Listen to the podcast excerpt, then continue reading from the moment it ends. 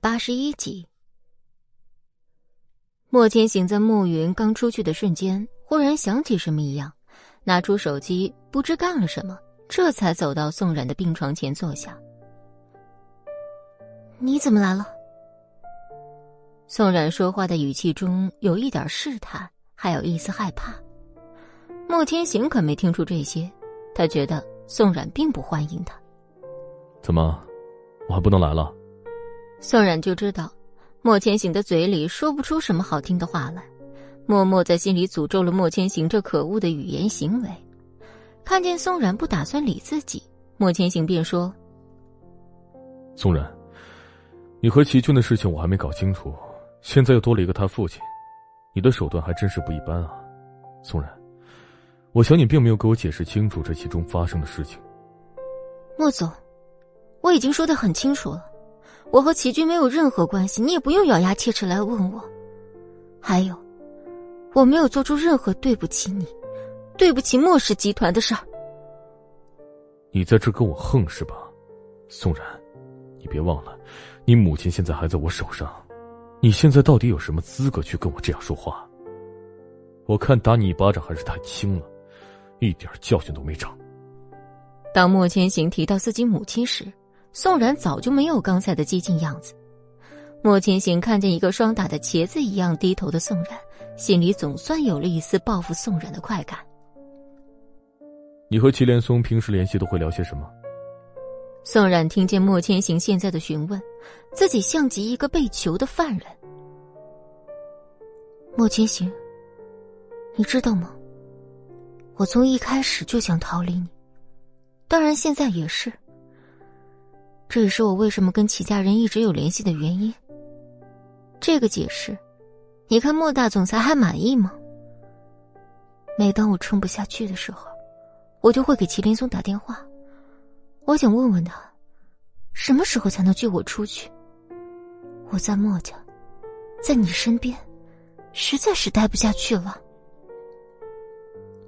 这个时候。路过的医生听见吵架声，也没进去，而是加快自己离开的步伐。莫千行终于忍不住，把宋冉拽起来，紧紧掐着他的脖子。宋冉，你怎么可以这样？我莫千行到底哪里对不起你啊？明明你才是有罪的那个人。莫千行嘶吼的声音，彻底让宋冉的心理防线崩溃了。这时。宋冉被莫千行掐得呼吸不过来，还好从外面买饭回来的慕云听见不对劲儿，赶紧推门进来。莫总，莫总，你快放手！宋冉小姐快不行了。莫千行被慕云一喊，回来了一些理智，松开了掐着宋冉脖子的手。宋冉失去重力，直接摔到地上，大口喘着粗气。慕云要去扶宋冉起身，结果被莫千行推到了一边。他居高临下看着脸色煞白的宋冉，让他自己站起来。慕云自然不敢违背莫千行的命令，心里为宋冉感到心疼。莫千行这个人一直都是个面冷心热的人，他相信莫千行还是喜欢宋冉的。在自己出去买饭时，莫千行给他发了信息：“别买辣的东西，他是病人，早点回来，注意安全。”好的，莫总。我买些清淡的粥，顺便也给你买点吃的吧。别看莫千行嘴巴这么毒，但是爱宋冉的心是真的。莫云收到莫千行的指令时，觉得自己吃了一嘴狗粮。谁又能想到，买个饭的功夫，这俩人又吵了起来，而且莫千行还这么失控的掐着宋冉的脖子。莫云都不敢想象，如果自己刚才再晚回来几秒，会发生什么。宋冉的脸刚才都没有血色了。宋冉从地上爬起来时，身子因为刚刚恢复还有些打颤。他勉强站稳以后，对着莫千行扯出一抹微笑说：“只要你不动我妈妈，你怎么折腾我都没关系。”莫千行不想看见这个四处散发可怜样子的宋冉，没有说话，转身离开了病房。宋冉看着莫千行离开以后，终于撑不住了，眼睛看不清楚东西，东晃西晃，再次倒在地上。暮云赶紧把宋冉扶到床上，心都提到了嗓子眼儿。他赶紧按了紧急按钮，不到一分钟，医生就赶来。病人现在才刚醒，怎么又晕过去了？你们这做家属怎么回事？要安抚好病人的心情，不然这身体什么时候才能恢复啊？医生，我没事你别凶他。哎，你的脖子是怎么回事？我记得不是只有脸上有红肿吗？怎么现在这个脖子上又添了新伤？暮云实在不知道说什么才好。听医生的说辞，那么十有八九，宋冉的脸也是莫千行打的。暮云现在心里非常同情宋冉，跟莫千行这种人物谈恋爱真是不容易。医生，我真没事儿，你们先出去吧，我想睡一会儿。好。那我去给你拿毛巾，你敷一敷。小姑娘，你还那么年轻，一定要注意自己的身体啊。宋冉点点头，暮云松了一口气，把医生送出了病房。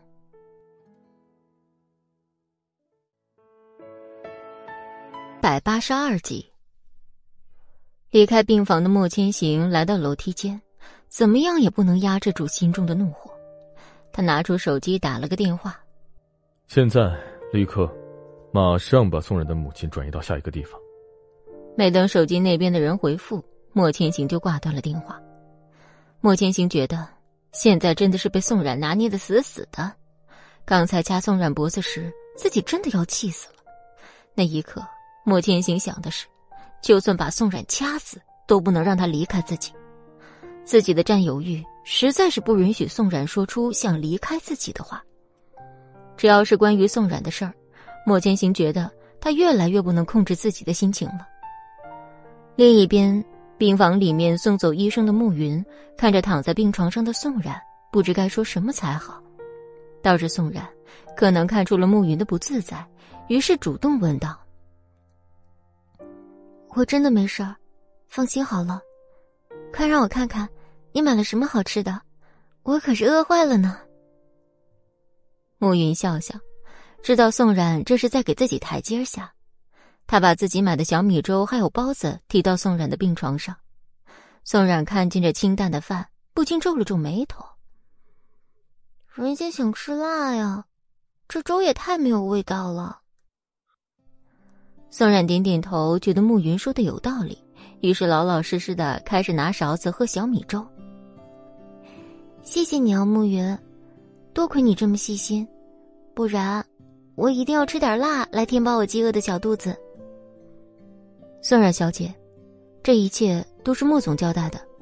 虽然他今天确实有点不太对，但他这个人还是很好的。宋冉低着头，暮云看不见他的样子，得不到宋冉的回应，这才后知后觉自己说错话了。这两人才刚经历了动手吵架。现在自己在这说自己老板好话，确实不是很合适。暮云觉得，空气中弥漫着一丝尴尬。正在自己不知该说点什么来缓解尴尬时，手机响了起来。宋冉抬起自己的头，表情没有任何的异样。你去吧，我想睡一会儿。暮云看见是思慕打来的，估计是公司的事儿。宋冉现在已经吃完饭。暮云帮他收拾完餐具，忙完后，暮云发现宋冉已经闭眼躺下，自己看到这儿也算是安心了，拿出手机给莫千行发了消息：“宋冉小姐已经吃完饭睡下了，我现在回公司。”之后，便轻手轻脚的离开病房。宋冉听见病房门被关上的声音，便睁开了自己的眼睛。这个时候，自己哪儿还有心情是睡觉啊？只不过，宋冉他自己现在也不知还能干些什么，拿出自己的手机，想给齐军发一个消息，通过齐军让他告诉齐林松，自己现在已经暴露，那个小手机现在在莫千行那儿，以后都不能通过这个方式联系。宋冉找到齐军这个联系人，发现不知为何是在自己黑名单里，想来不是自己做的，那只可能是莫千行拉黑的。想到这儿。宋冉没有一丝迟疑。莫千行要是知道自己私下联系齐军，不知又会做出什么疯狂的事儿。可宋冉想完这结果以后，他还是把齐军从黑名单里拉出来。这电话刚拨过去，在办公室的莫千行就接到了宋冉手机的频道。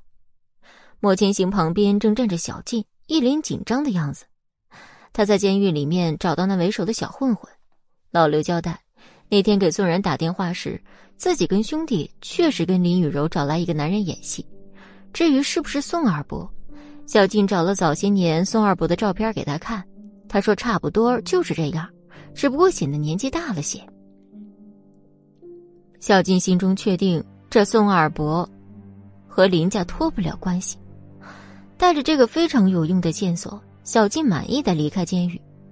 今天，小静正在监视林雨柔，就被莫千行一个电话叫到公司。刚到莫千行的办公室，小静就感觉到一丝不太对劲儿的样子。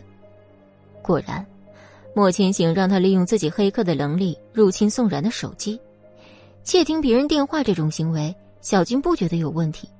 但现在是大名鼎鼎的莫千行要求这件事儿。小静的心中非常震惊，但手上的动作却没有停。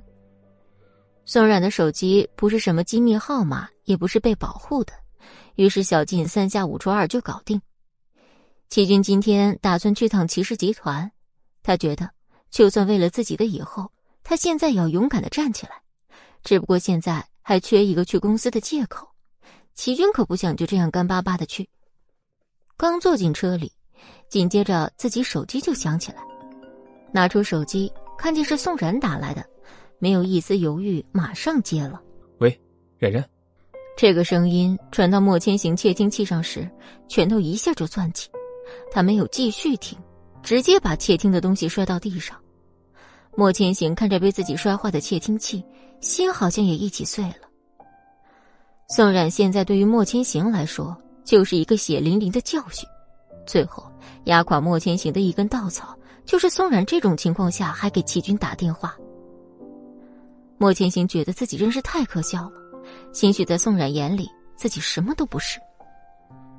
抬头看见小金还站着，莫千行便说：“你出去吧。”小金点点头，赶紧出了办公室，心想：关于宋二伯的消息，还有齐军海伦的事儿，还是改天再告诉莫千行为好。这一边，宋冉不知莫千行的窃听，听见齐军的声音后，宋冉欣喜。是我，我现在有重要的事情要告诉你，你不用说话，听我说就好。嗯。三百八十三集。于是宋冉把事情简化的告诉了齐军一遍，大概就是。和祁连松单线联系的手机被莫千行发现了，自己并没有说任何事儿，但是不确定会不会连累到齐叔叔。他表示非常抱歉，并表示以后不能再联系祁连松了。自己父母清白之事，宋冉再三拜托，还请祁连松可以继续帮忙多加注意。祁军听完之后，他没有问关于自己父亲和宋冉私下联系的事儿，他只问了一句：“冉冉。”你有没有事？莫千行没有对你怎么样吧？宋冉对齐军的关心一直都是逃避状态，这次也不例外。他表示自己现在过得很好，便挂断了电话。被挂断电话的齐军陷入了沉思。宋冉刚才说的这件事儿，刚好能成为自己去找齐林松的借口，解决了自己去骑士集团这个难题后，齐军现在转变成了担心宋冉的安危问题。莫千行发现了宋冉不止跟自己联系过，现在还牵连到自己的父亲麒麟松，估计莫千行会认定是宋冉出卖了他，而宋冉现在肯定有事儿，莫千行怎么可能放过他？那么刚才宋冉就是在骗自己，肯定是怕自己担心。齐军不禁心疼起这个许久没见面的宋冉，这个女孩自己承担了太多太多的东西。齐军觉得，自己现在醒悟也不算晚，他现在一定要快速成长起来，这样才可以早一点变得强大，跟莫千行抗衡，这样才可以早一点让宋冉脱离莫千行这个苦海，过上幸福快乐的生活。没有在这里瞎想，齐军启动了车子，目的是齐氏集团。宋冉挂完齐军的电话以后，便把手机关了机。现在的他已经没有什么心事了，把灯关上以后，再次缩进了被窝里，脑袋里面想了很多事儿，乱七八糟的事情一直在脑袋里面转啊转的，就这样不知不觉的睡着了。齐军开车到齐氏集团楼下时，感觉到了一丝不对劲儿，没有很麻烦的经手前台，齐军直接上了祁林松平时专用的电梯，直奔他的办公室。这个时候的骑士，正是最大的会议室里开着股东大会，很难得，各大股东们再一次聚在一起。只有两个可能：在公司有特别好的事儿，大家齐聚一堂欢迎；又或者像现在出事儿了的情况下，大家前来一起讨伐某个人。从这个会议开始，吉连松就只是坐在自己的位置上，没说一句话。倒是那些整天浑水摸鱼的小股东们，这时叽叽喳喳说个不停。会议已经过去了一大半的时间，总的来说就是在强调公司现在的情况不乐观。大部分的人都认为，这其中的责任是祁连松这个董事长要担一大部分。齐浩白从会议刚开始就觉得不太对，大家像是串通一气来讨伐祁连松一样。要不是祁连松拦着自己不让他插嘴，估计这些年过半百的老东西们都要被赶出去了。他一直在忍着，保持现在的状态，和麒麟松一起静观其变。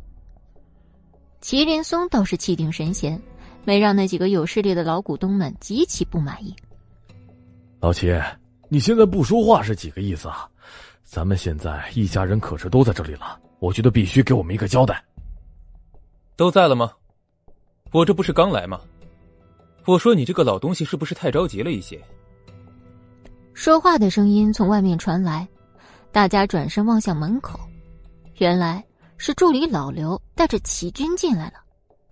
那个被叫老东西的股东被气得吹胡子瞪眼，看着走进来的齐军说：“哪里来的小毛孩啊？你知道在座的各位都是什么人物吗？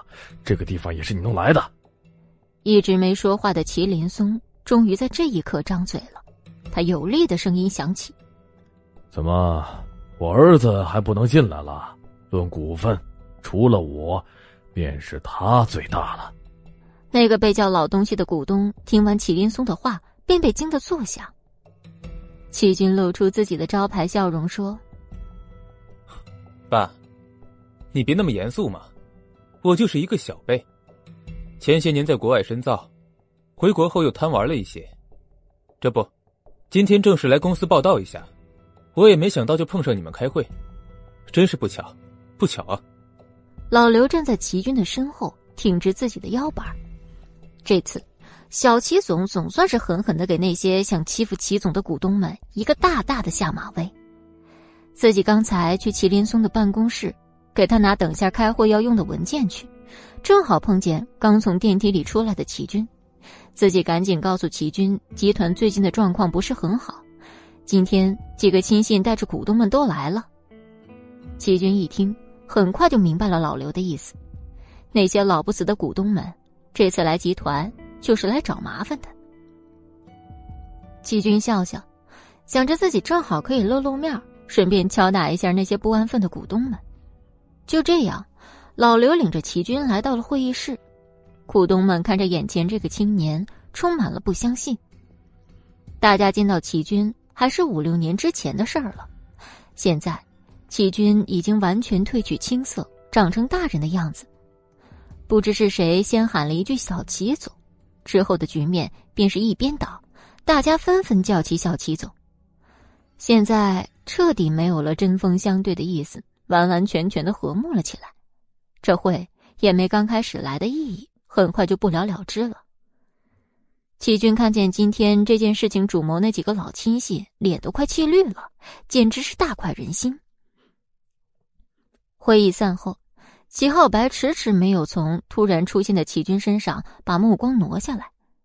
齐连松根本不知道齐军会突然来公司，他本来的计划只是想看看现在集团还剩多少能用之人。让他失望的是，已经没有那么多的人，已经不值得托付了。不过，最好的事情就是齐军突然来了，而且说了那么一番话。祁连松觉得，今天出现在会议室里的齐军变了，不再是以前的那个齐军，这对祁连松来说真是一件天大的好事儿。第三百八十四集，老刘看见周围的人已经走没了，自己出去。顺带把齐浩白也给拽了出去。齐总，你们好好聊哈，我们就先出去了。老刘笑起来，脸上的褶子堆了一堆，显得特别像那种很可爱的动漫小人物。齐军，你能出现在这里，我为你高兴。齐浩白不知道自己现在还能说什么样的话，只能认命的跟老刘一起出去了。齐军慵懒的靠在桌子边说。我又不是第一次来了，齐浩白，可快别学那些老头们应承我了。祁林松拿起自己的杯子喝了一口茶，并没有去指责齐军说话的不礼貌。大家现在心里很清楚，祁林松今天的心情非常好。齐军看见这两个人终于出去以后，把会议室的帘子拉下，走到祁林松对面的椅子上坐下。你怎么来了？有件事情你要先回答我。宋冉和你私底下联系，你为什么不告诉我？齐军说完这句话以后，仔细观察齐林松的表情，然而没有任何变化。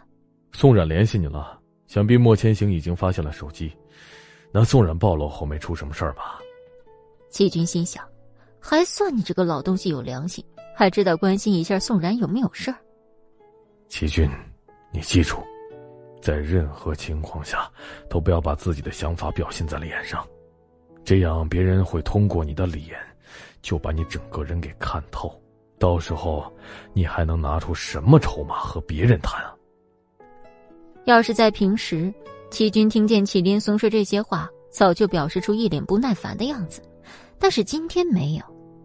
齐军摸了摸自己的鼻子，说：“是，我知道了。”我只是想知道你和宋冉之间都发生了什么。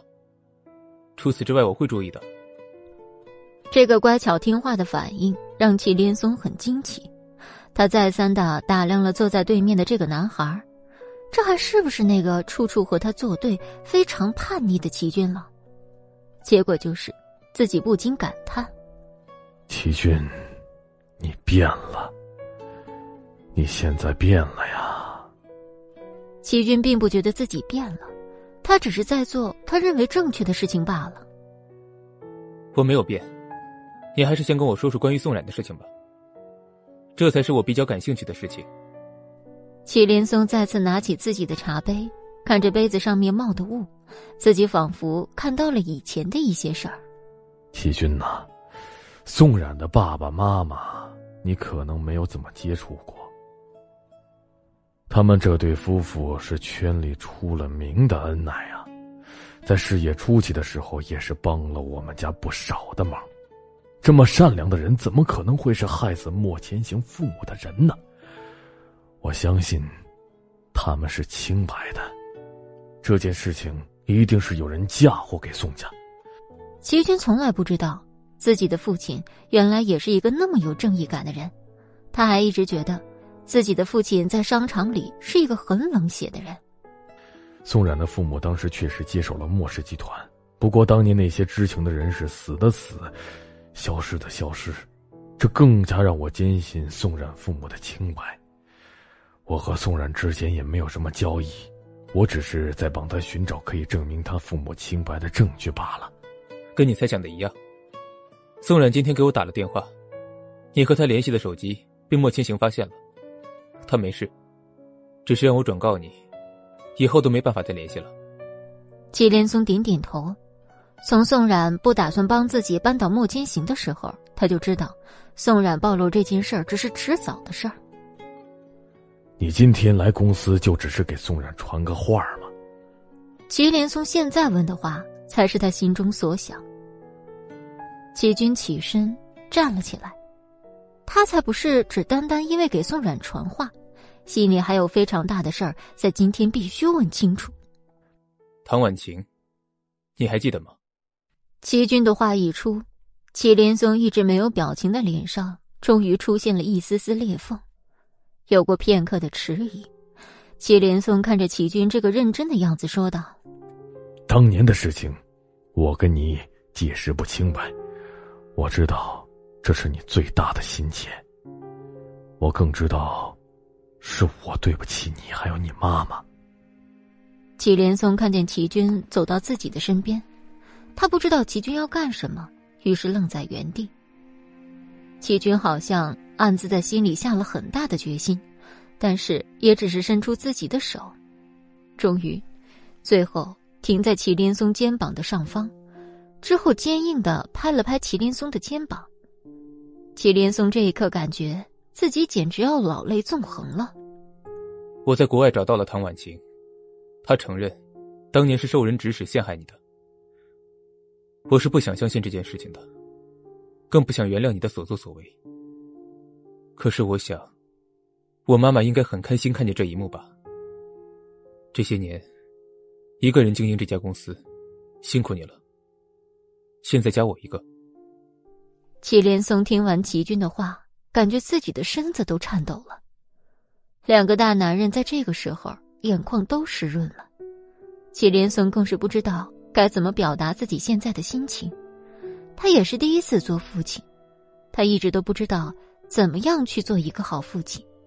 不过，他想现在学一下也不算晚。同样，这也是齐军第一次做别人的儿子。虽然以前犯下很多错事，但是这些都不要紧，只要从现在开始做出改变，那么一切就不算晚。莫千行强迫自己不去想宋冉那个没良心的，全身心的投入到工作中。他现在对骑士没有太多的注意，近来发生的事儿都跟林氏脱不了关系。宋冉在医院里面睡得很沉，并没有闲工夫去想莫千行。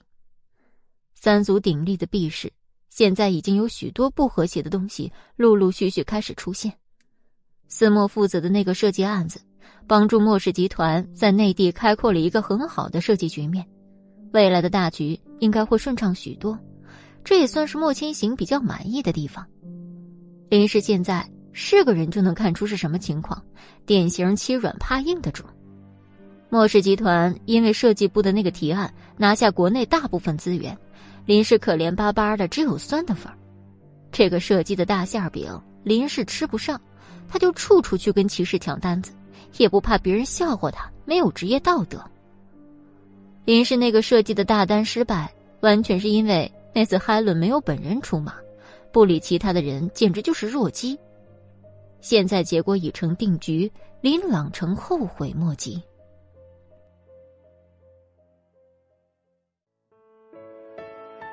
一，莫千行一个不留神儿就工作到了晚上九点。当他伸个懒腰走出办公室时，想去楼下吃个东西，他发现各层的员工们大部分都没有下班，大家全部都在勤勤恳恳的加班工作中。你们怎么没有下班啊？莫千行的声音在安静的办公区响起，大家齐齐向莫千行这儿看过来。司慕不知从哪儿冒出，极其殷勤的说道：“莫总，你没有走，我们哪有走的道理？”现在正是公司需要我们的时候，我们应当奋斗在工作的前线。莫千行看了看大家的状态，并不像是司慕说的那样有干劲儿，心里已经猜了个大概，估计是司慕看见自己办公室的灯亮着，于是下命令让大家加班。莫千行只是不想一个人回家，更不想去医院见那个背叛了自己的女人，这才在公司多工作了一会儿。看着思慕这个等待夸奖的样子，莫千行觉得有必要在这个大家辛苦加班的晚上表表态了。大家辛苦了，既然思慕都这样说了，那么大家现在下班吧，就让他一个人在这里奋斗前线，我负责监督他。大家觉得莫千行说出这句话的声音直如天籁之音。现在是总裁下令，大家哪有不遵命的道理？于是接下来的局面。便是现场一片混乱。几分钟以后，整个办公区就只剩下司慕还有莫千行在这大眼瞪小眼。司慕现在想哭的心思都有了。莫千行是一点面子都不给他留啊！本来他还以为莫千行看见大家这么辛苦加班，他一感动后会发点奖金、加点工资之类的。现在思慕觉得自己的如意算盘真是打得稀巴烂。还愣着干什么？跟上来！思慕回过神来，发现莫千行已经走很远，赶紧大步跟上。到了电梯里，发现是往地下停车场的。这说明自己也不用留在公司里加班了。思慕觉得自己躲过一劫，一个不小心笑出了声。莫千行觉得司慕的脑子有时候真是不够用，于是非常嫌弃的给了司慕一个白眼儿。司慕才不在意莫千行怎么看他，自己现在心情大好。电梯叮的一声到了停车场，上车后还主动给莫千行当了司机。司慕发现他并不知道要去哪儿，于是又傻笑的转头向后面说：“嘿嘿，莫总，咱们现在这是要去哪儿啊？”莫千行拿出手机给小静打了一个电话：“喂，她怎么样了？”宋冉小姐现在还在睡觉，刚才医生来给她敷了药。好，她还没吃晚饭吧？你记得叮嘱让护士给送过去。宋冉在这时翻了个身，可把小静吓坏了。赶紧拿着手机，轻手轻脚的出了病房。好的，莫总。对了，宋二伯那边我有新的线索了。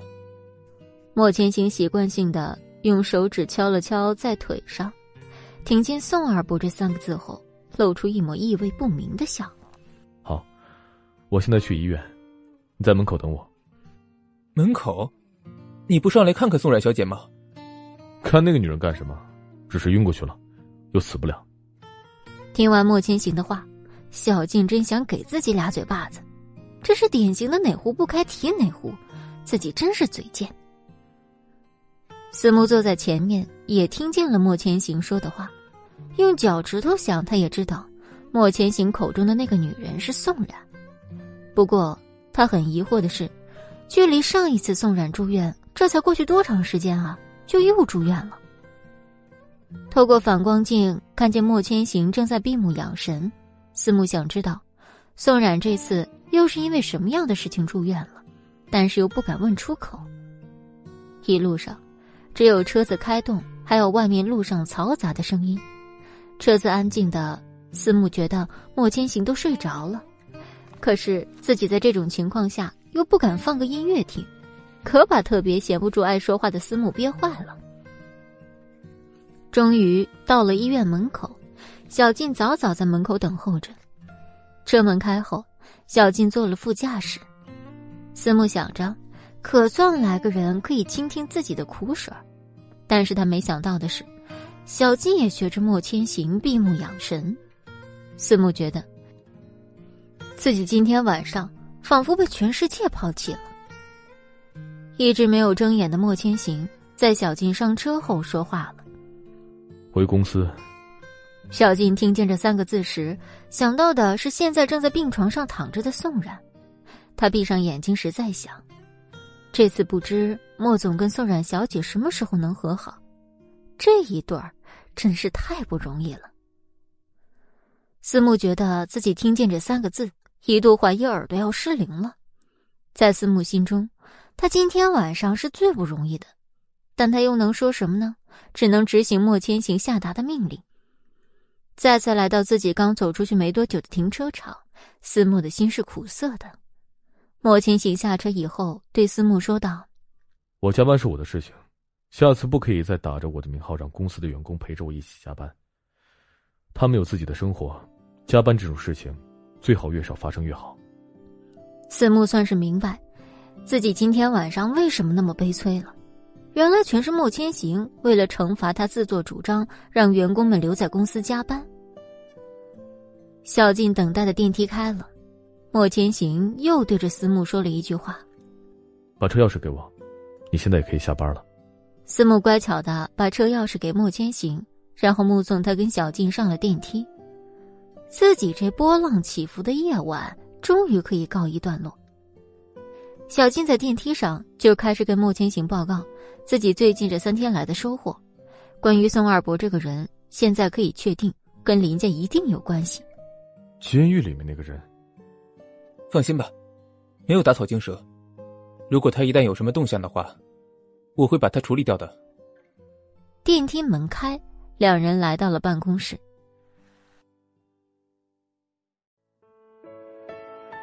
不急。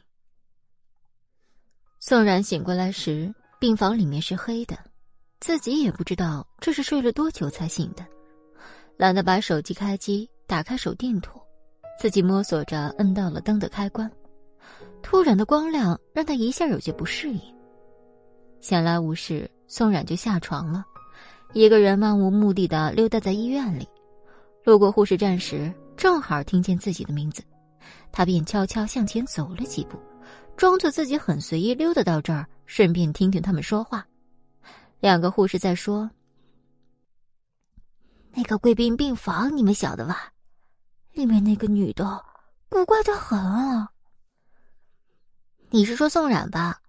我今天值班，一个长得帅的男人让我晚上给他送点饭。哎呀，都快十点了，我还没给他买饭呢。不聊了，不聊了。啊，别走啊！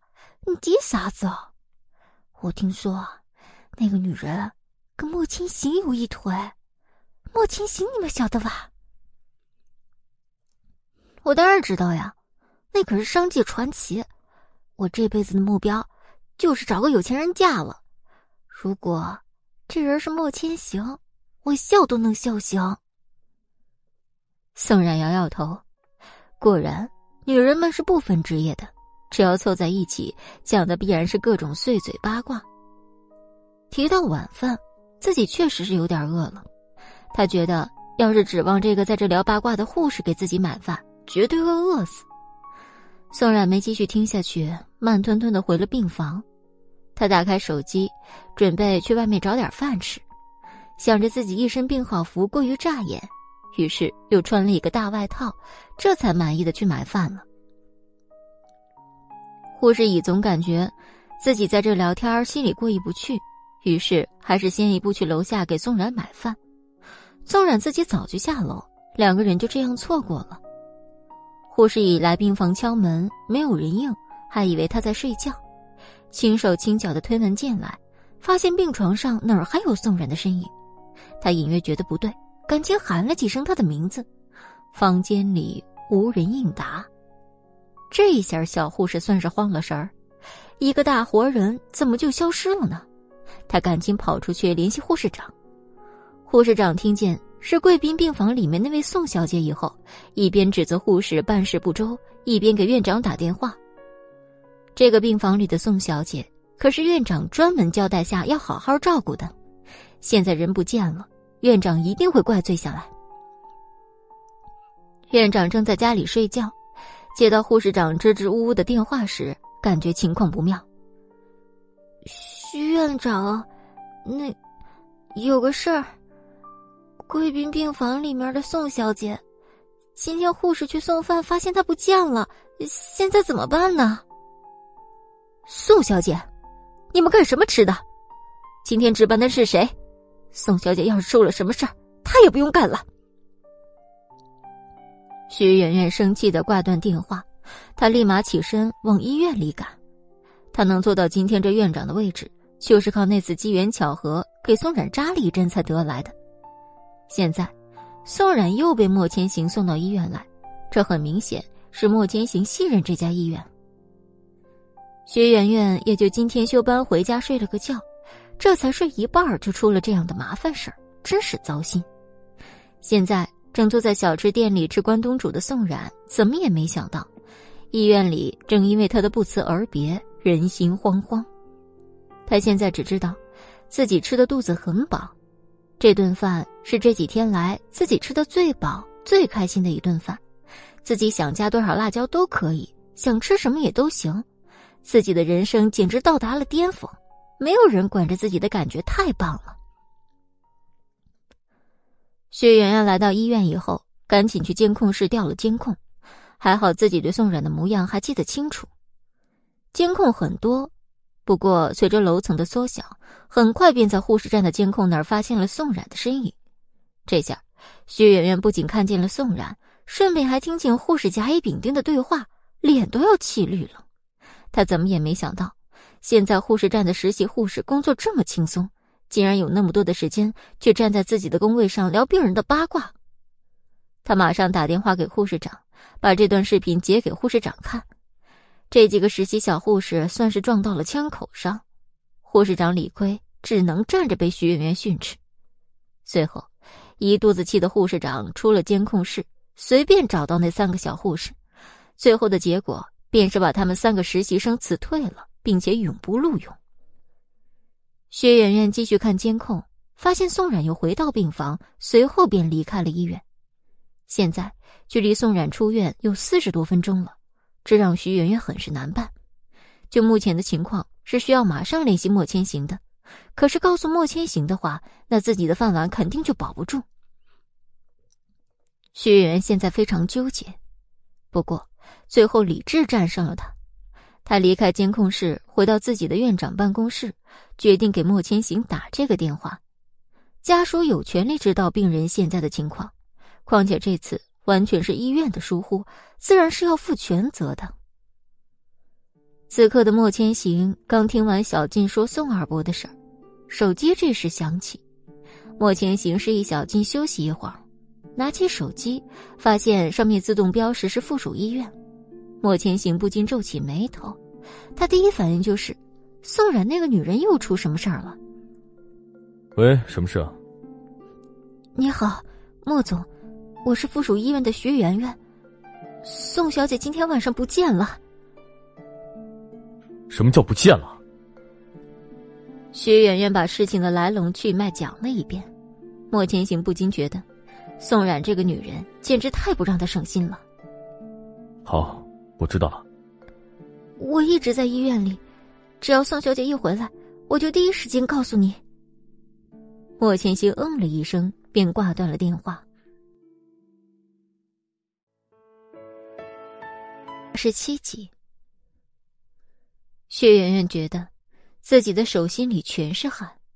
这个电话打之前，自己已经预想了很多种结果，但现在打完电话，她发现莫千行的真实反应让她有点捉摸不透。薛媛媛感觉莫千行的语气也不是很在意宋小姐失踪的样子，也就刚知道时那语气还算是担心。不过话说回来。他现在可没有心情去琢磨莫千行的想法，接下来要做的就是打起精神，等待宋冉什么时候回来。宋冉在外面吃完关东煮，觉得自己的肚子也就五六分饱，于是晃晃悠悠又去路边摊上吃麻辣小龙虾。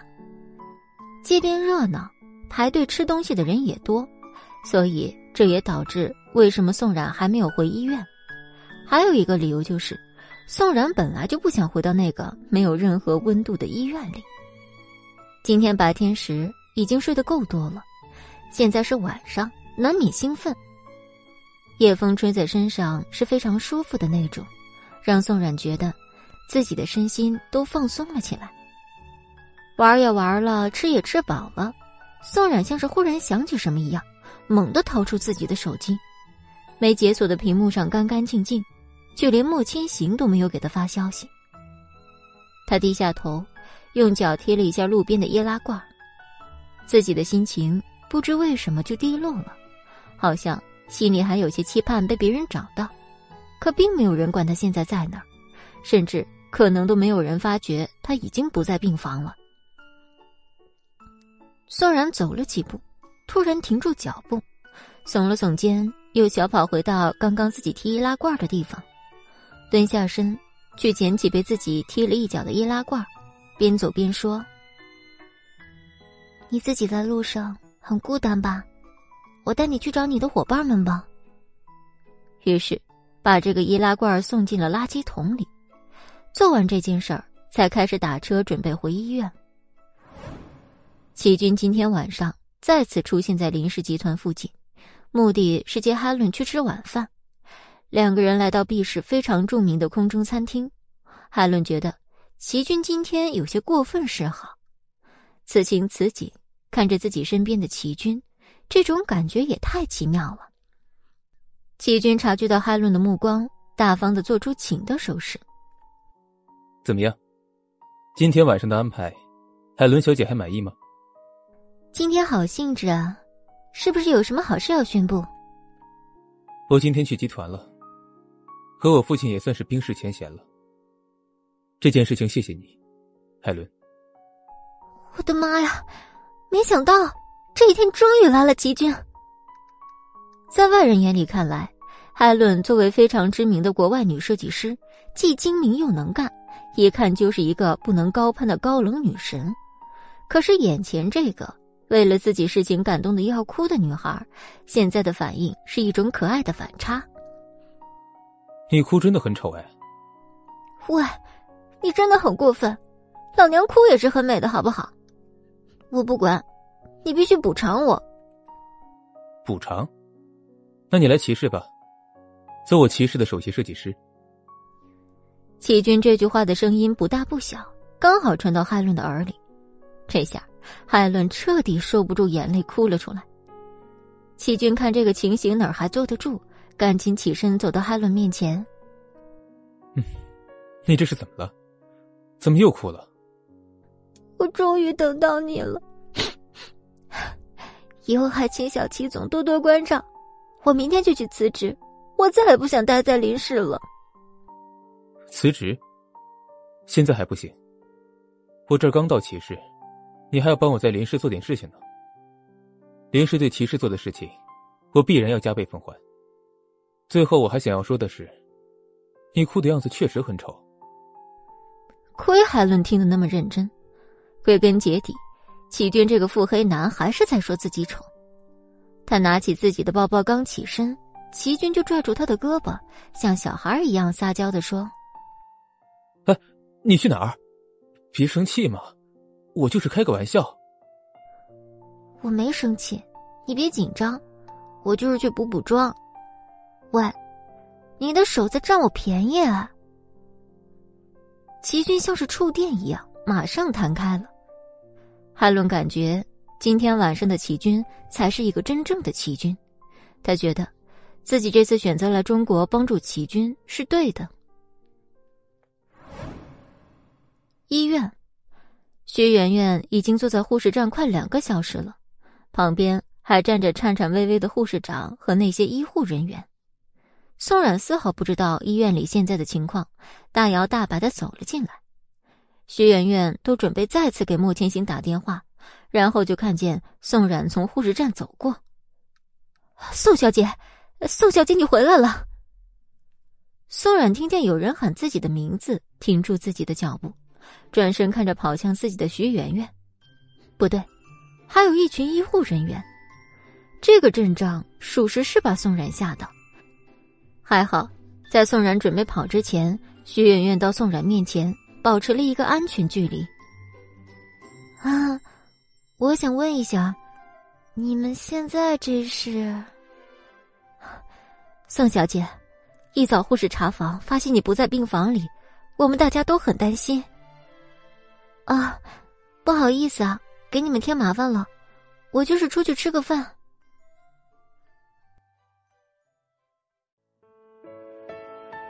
三百八十八集，薛媛媛摆摆手。剩下的一群人都去忙自己的事儿了。宋冉看见徐媛媛欲言又止，于是自己说道：“你放心吧，我下次出去会告诉你们的。莫千行没有为难你们吧？真是不好意思，我真不知道你们在等我。啊，没有，莫总没为难我们，你没事就好。现在已经不早了，宋小姐，我送你回病房吧。”宋冉不好意思拒绝，于是便和徐媛媛一起回了病房。在路上的时候，徐媛媛怕宋冉还停留在尴尬的刚才，于是主动给他讲述了第一次见他时，当然还有自己院长这个职位的由来。至于莫千行这次的冷漠态度，他没有说。宋冉听时，嘴巴都张成个 O 型。原来真的会有一个人的做法改变另外一个人命运这样的事儿。二十分钟以后，莫千行再次接到徐媛媛办公室打来的电话，得知宋冉只是出去吃了饭，现在已经回到病房里。莫千行还是冷冷的态度，嗯了一声便挂断了电话。虽然莫千行的语气不是很好，但小静明显看出他眉头舒缓了一些。莫总，现在要继续吗？自从医院打来电话以后，莫千行就没有和小静继续讨论线索。小静这两个小时里也没闲着，一直在做集团的趋势报表。没有人给他送吃的。小金立刻懂了莫千行自言自语的意思，于是说道。我，明天我去照顾宋冉小姐。一记冷冷的眼神射到小金身上，小金慌忙摆手：“不是，不是的，我的意思是，我找一个人去照顾宋冉小姐。”这话说完，小静才觉得身边存在的危险消失了。时间不早了，你回去休息吧。小金没走。把自己在林氏集团遇见、偶然看见海伦上齐军车的事儿告诉了莫千行。曲金听完以后，觉得这消息挺让他震惊的。这个叫海伦的外国设计师，绝对是一个特别的人。这一切还真是有趣呢。那现在骑士被林氏打压，就是一个假象，想必齐军很快便会反击。齐军，他不是和祁连松不和吗？怎么可能会去管骑士这个摊子？螳螂捕蝉，黄雀在后。林氏这次一定会在，快回家睡觉吧，明天按时上班，不要迟到了。小静似懂非懂的点点头，毕竟骑士父子也不是一天两天不和了。退一万步讲，就算他们现在和好了，齐军身上的病怕是还没治好吧？由此推断，小静还是在内心坚信莫千行这次说的。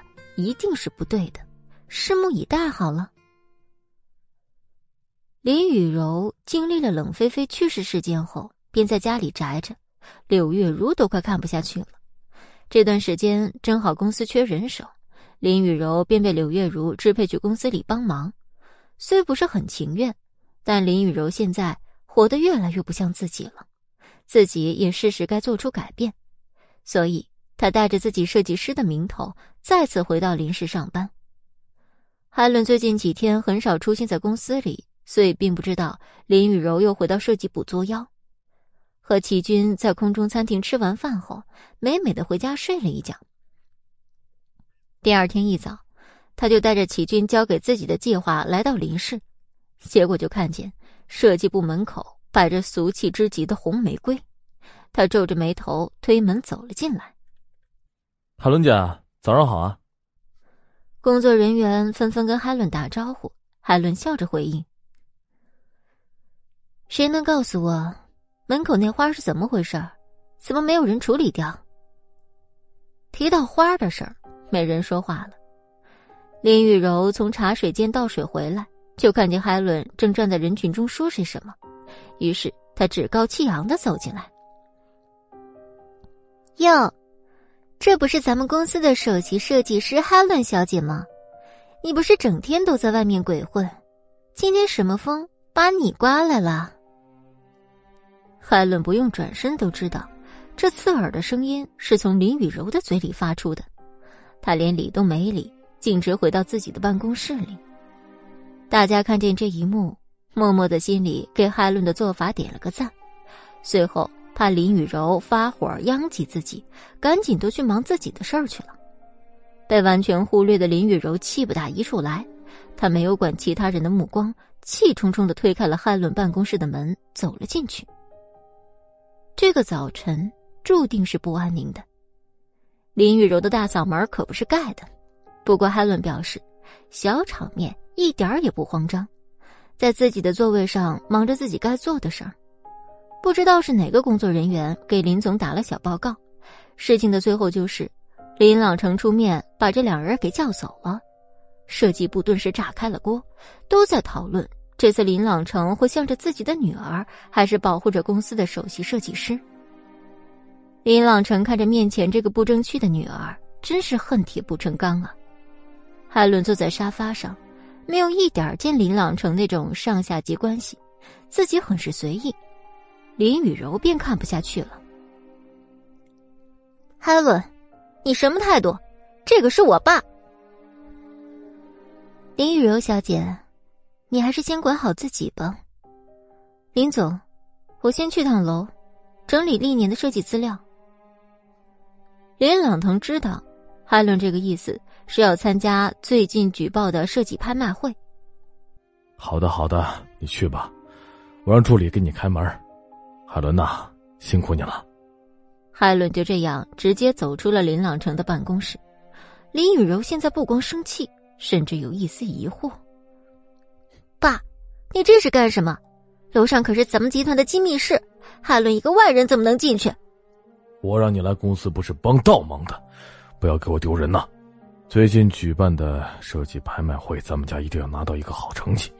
你给我老老实实的，在此之前，不要去找海伦的麻烦。林雨柔被林朗成凶了一顿，回到设计部时，把自己关在办公室里发了一通大火。这样的结果就是大家都知道，今天这局又是海伦赢了。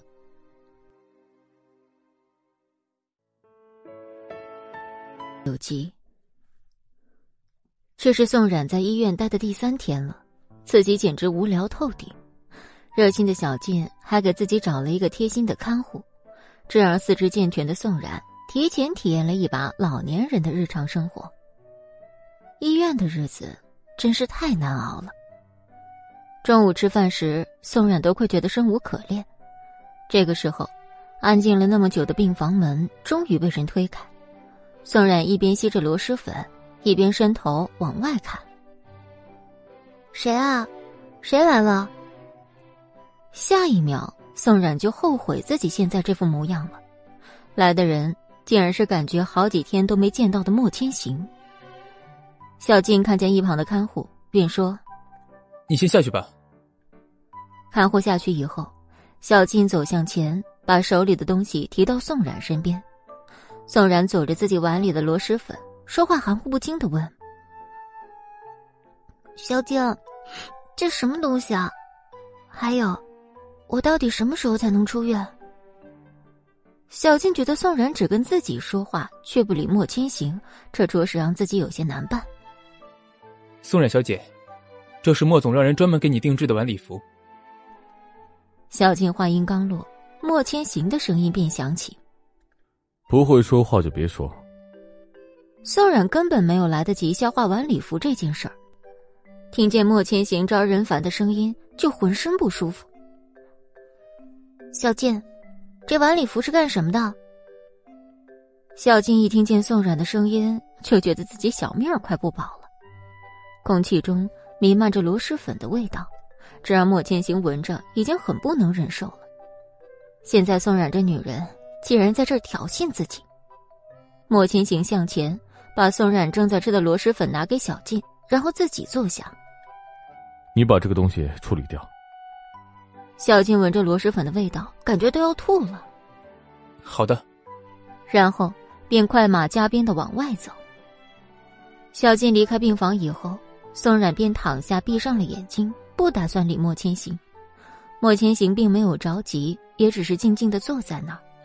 宋冉终于忍不住了，突然起身，大声问道：“莫千行，你现在又要闹哪样？”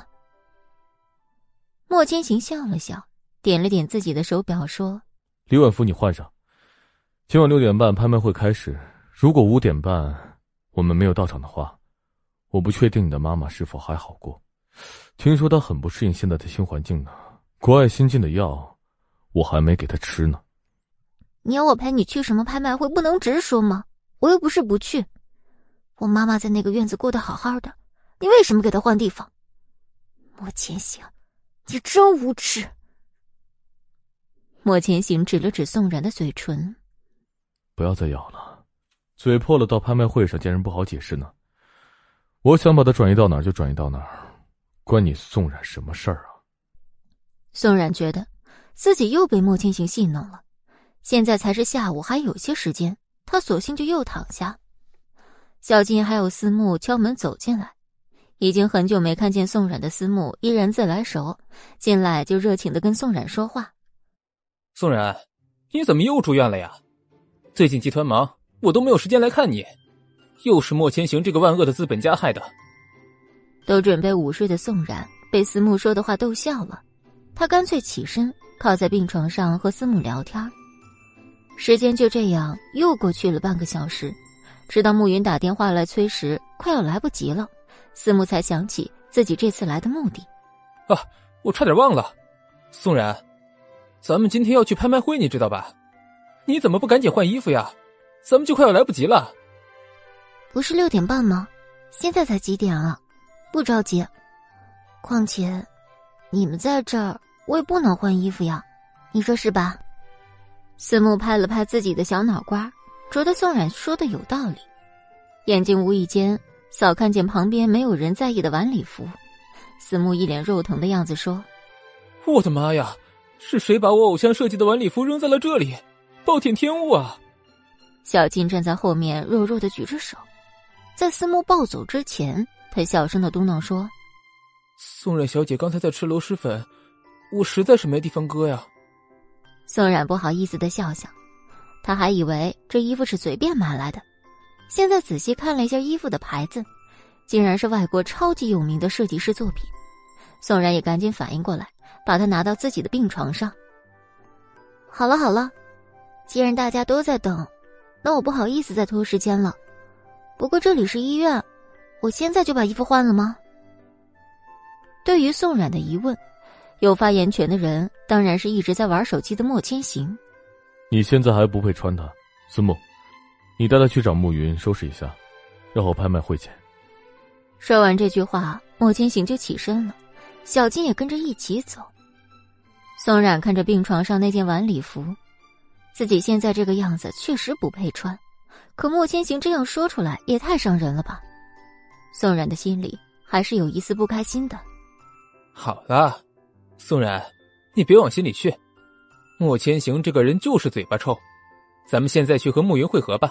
在医院里面你都暗淡了，今天就给你大改造一下。大改造？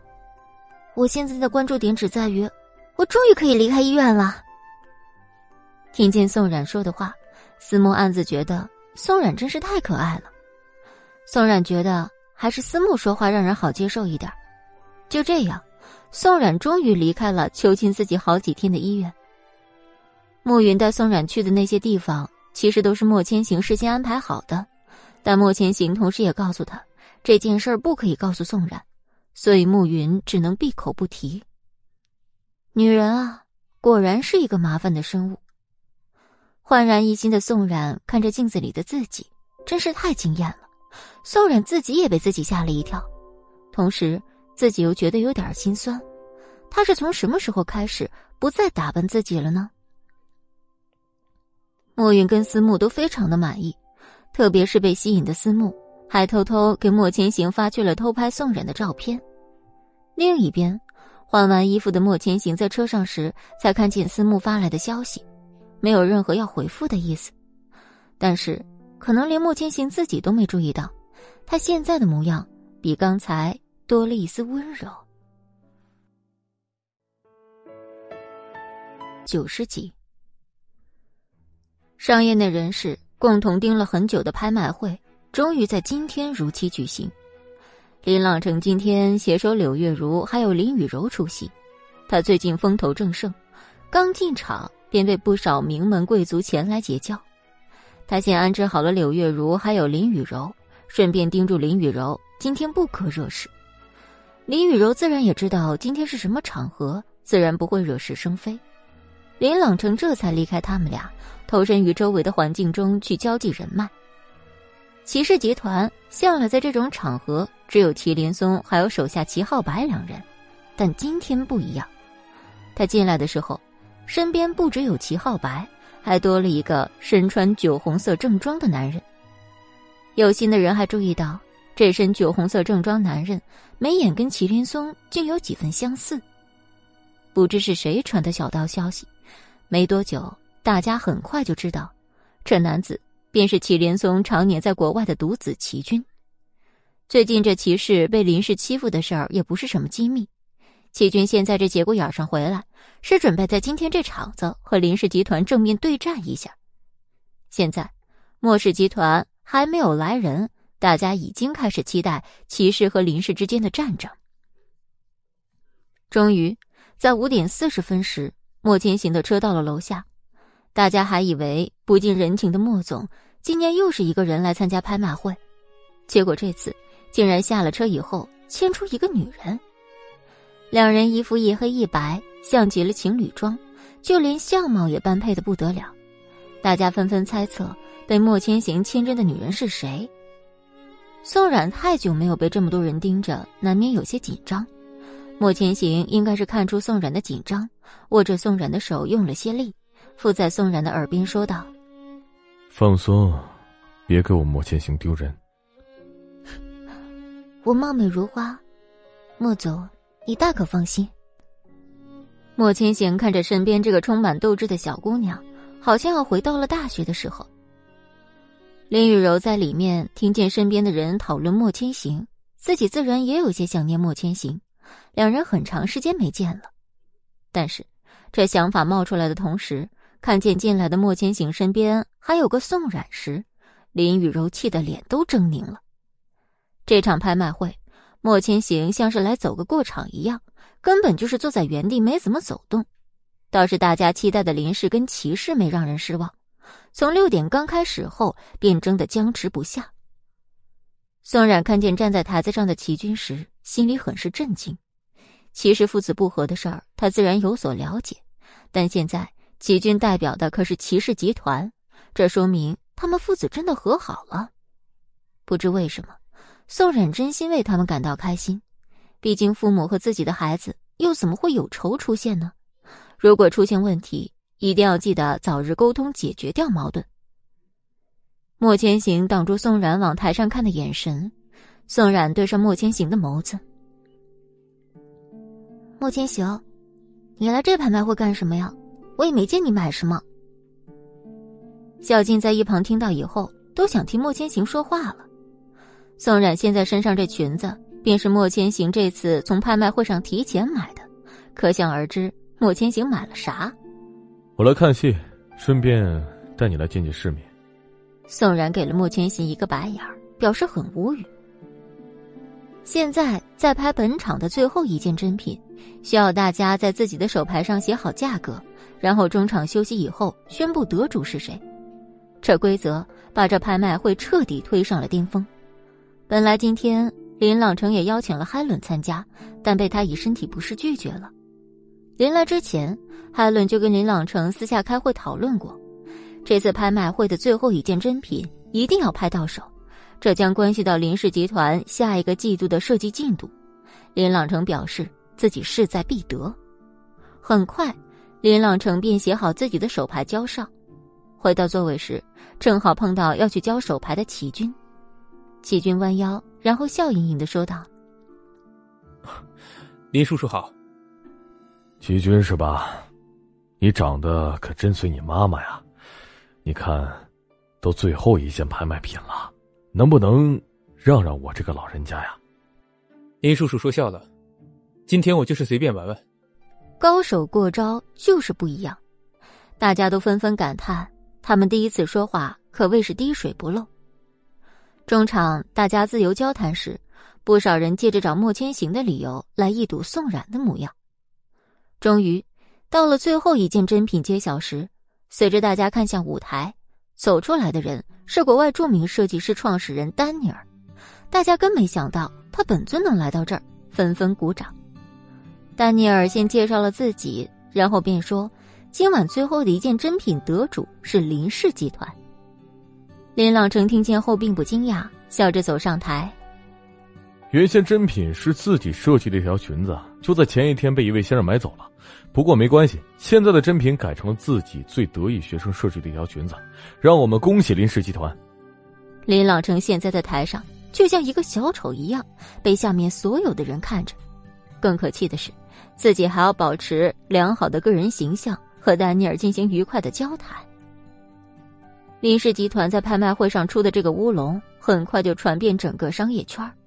林朗成知道，这件事铁定跟骑士脱不了干系，但无奈没有证据，真是哑巴吃黄连，有苦说不出啊。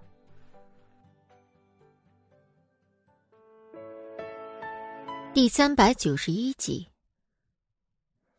别人都沉浸在笑林朗城这次吃了大亏，但是却没有人在意有著名设计师丹尼尔亲自设计的裙子在前一天被谁买走了。但是。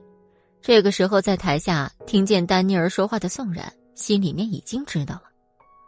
思慕除了天文学，就是喜欢这个丹尼尔设计师。想必自己身上穿的这条裙子，便是丹尼尔亲自设计的裙子了。宋冉现在都不敢去看他旁边莫千行是什么样的表情，自己的心中现在已经震惊到不行。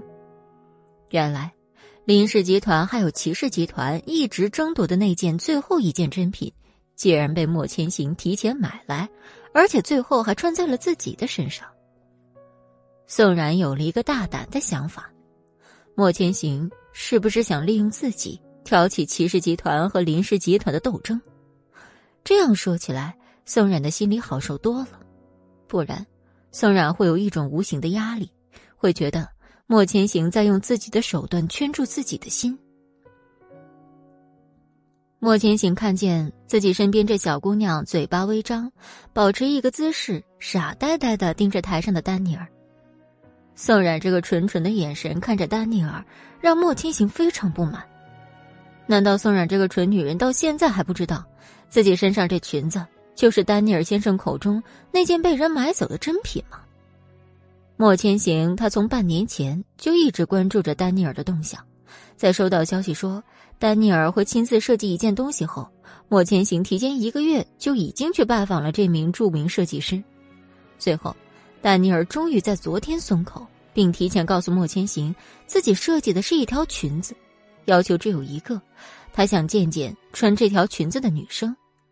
丹尼尔表示很好奇，是怎样一个女人会让莫千行那么大费周章的来找他？莫千行笑笑没说话。丹尼尔表示。非常期待明天拍卖会上的见面，事情大概就是这个样子了。只是这过程很漫长，同时也没有想象中那么简单。不过幸好莫千行做到了，想必他应该也是有一定的把握才会去做这件事儿。小金和暮云、思慕都纷纷在莫千行还有宋冉的身后感觉到了吃柠檬的酸。莫千行这是怎样的一个大手笔？怎样缜密且细心的想法？然后去一步步完成这件事儿。拍卖会这个环节结束，其中骑士集团大出风头的齐军在今天这局中大获全胜。林氏集团认为这一切肯定都是骑士集团的人设计好的，但是齐军在最后这样一个情况里，他也是很懵的。他昨天在来的路上接到哈伦电话，说是不要拍最后一件珍品了。这场拍卖会的主要目的，就是在一开始把林朗成激怒，一直和他标价，在最后一件时，以他的思维，为了保证自己能拿到最后一件珍品，肯定会多花钱。海伦这一切的推断都是对的。现在获得了最后一件珍品的林朗成，并不能笑出来。他竞拍交出去的价格比自己得到的这个设计要贵得多得多，他这下算是在拍卖会上赔了夫人又折兵。之后的宴会场他都没有出现，气冲冲的离开了这个是非之地。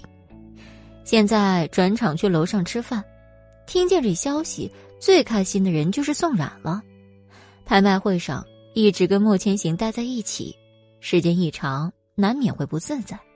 等到了吃饭的时候，宋冉就可以趁机溜走，逃离莫千行这个低气压男。想想这个计划，他不禁加快了自己上楼的速度。走那么快干嘛？小心一点。宋冉听见身后莫千行的话，不禁转身给了他一个白眼儿。我又不是小孩子。莫千行无缘无故被宋冉怼了，表示很不满，自己就是想关心他一下。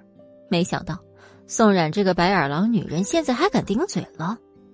莫千行觉得，可真是好心没好报，索性放慢自己的步伐，不再跟在宋冉的身后，走过楼梯，可把宋冉累得够呛。果然，公主不是人人都能当的，穿着高跟鞋也太累人了。还有，自己这奢华的晚礼服，宋冉不禁停下来心疼自己一秒。当自己看见映入眼帘的美食后，他觉得自己的心不再疼了，立刻又满血复活。大家快来抢！你们看这女人多没见过世面，吃这么多东西，这女人怎么混进来的？你们快来看看，谁认识这女人？大家伙听见声音，有的走过来，有的好奇的也向甜品区这边看来。可是刚才吆喝大家来看的人却消失在人群里。宋冉用脚趾头想都知道，刚才是林雨柔说话的声音。宋冉放下自己的小餐盘，转身打算离开。他并不想林雨柔在这种场合上和他浪费时间。结果，转身就发现，有不少人正在盯着自己。宋冉觉得多少有点尴尬，这才发现，莫千行早已经不在自己身边了。现在自己不知该怎么办才好，就连眼神都无处安放。大家盯着他，一边还在小声议论。宋冉真的受不了这种氛围带给他的压力。冉冉，我找你好久了呢，原来你在这里。宋冉在众多不好的声音中听见有人叫自己，他抬头看见越过众人来到自己跟前的齐军，他愣了。齐军看着这样的宋冉，露出宠溺的笑，用手轻轻抹去他嘴角残留的面包屑。怎么，你变成傻瓜了？宋冉被齐军突如其来的动作吓了一跳，抓着齐军的胳膊就往外走。大家本来只是围观过来，看看是谁这么没见过世面，结果发现这女人竟然和齐家少爷认识。大家觉得自己现在又掌握了一些齐氏集团的八卦。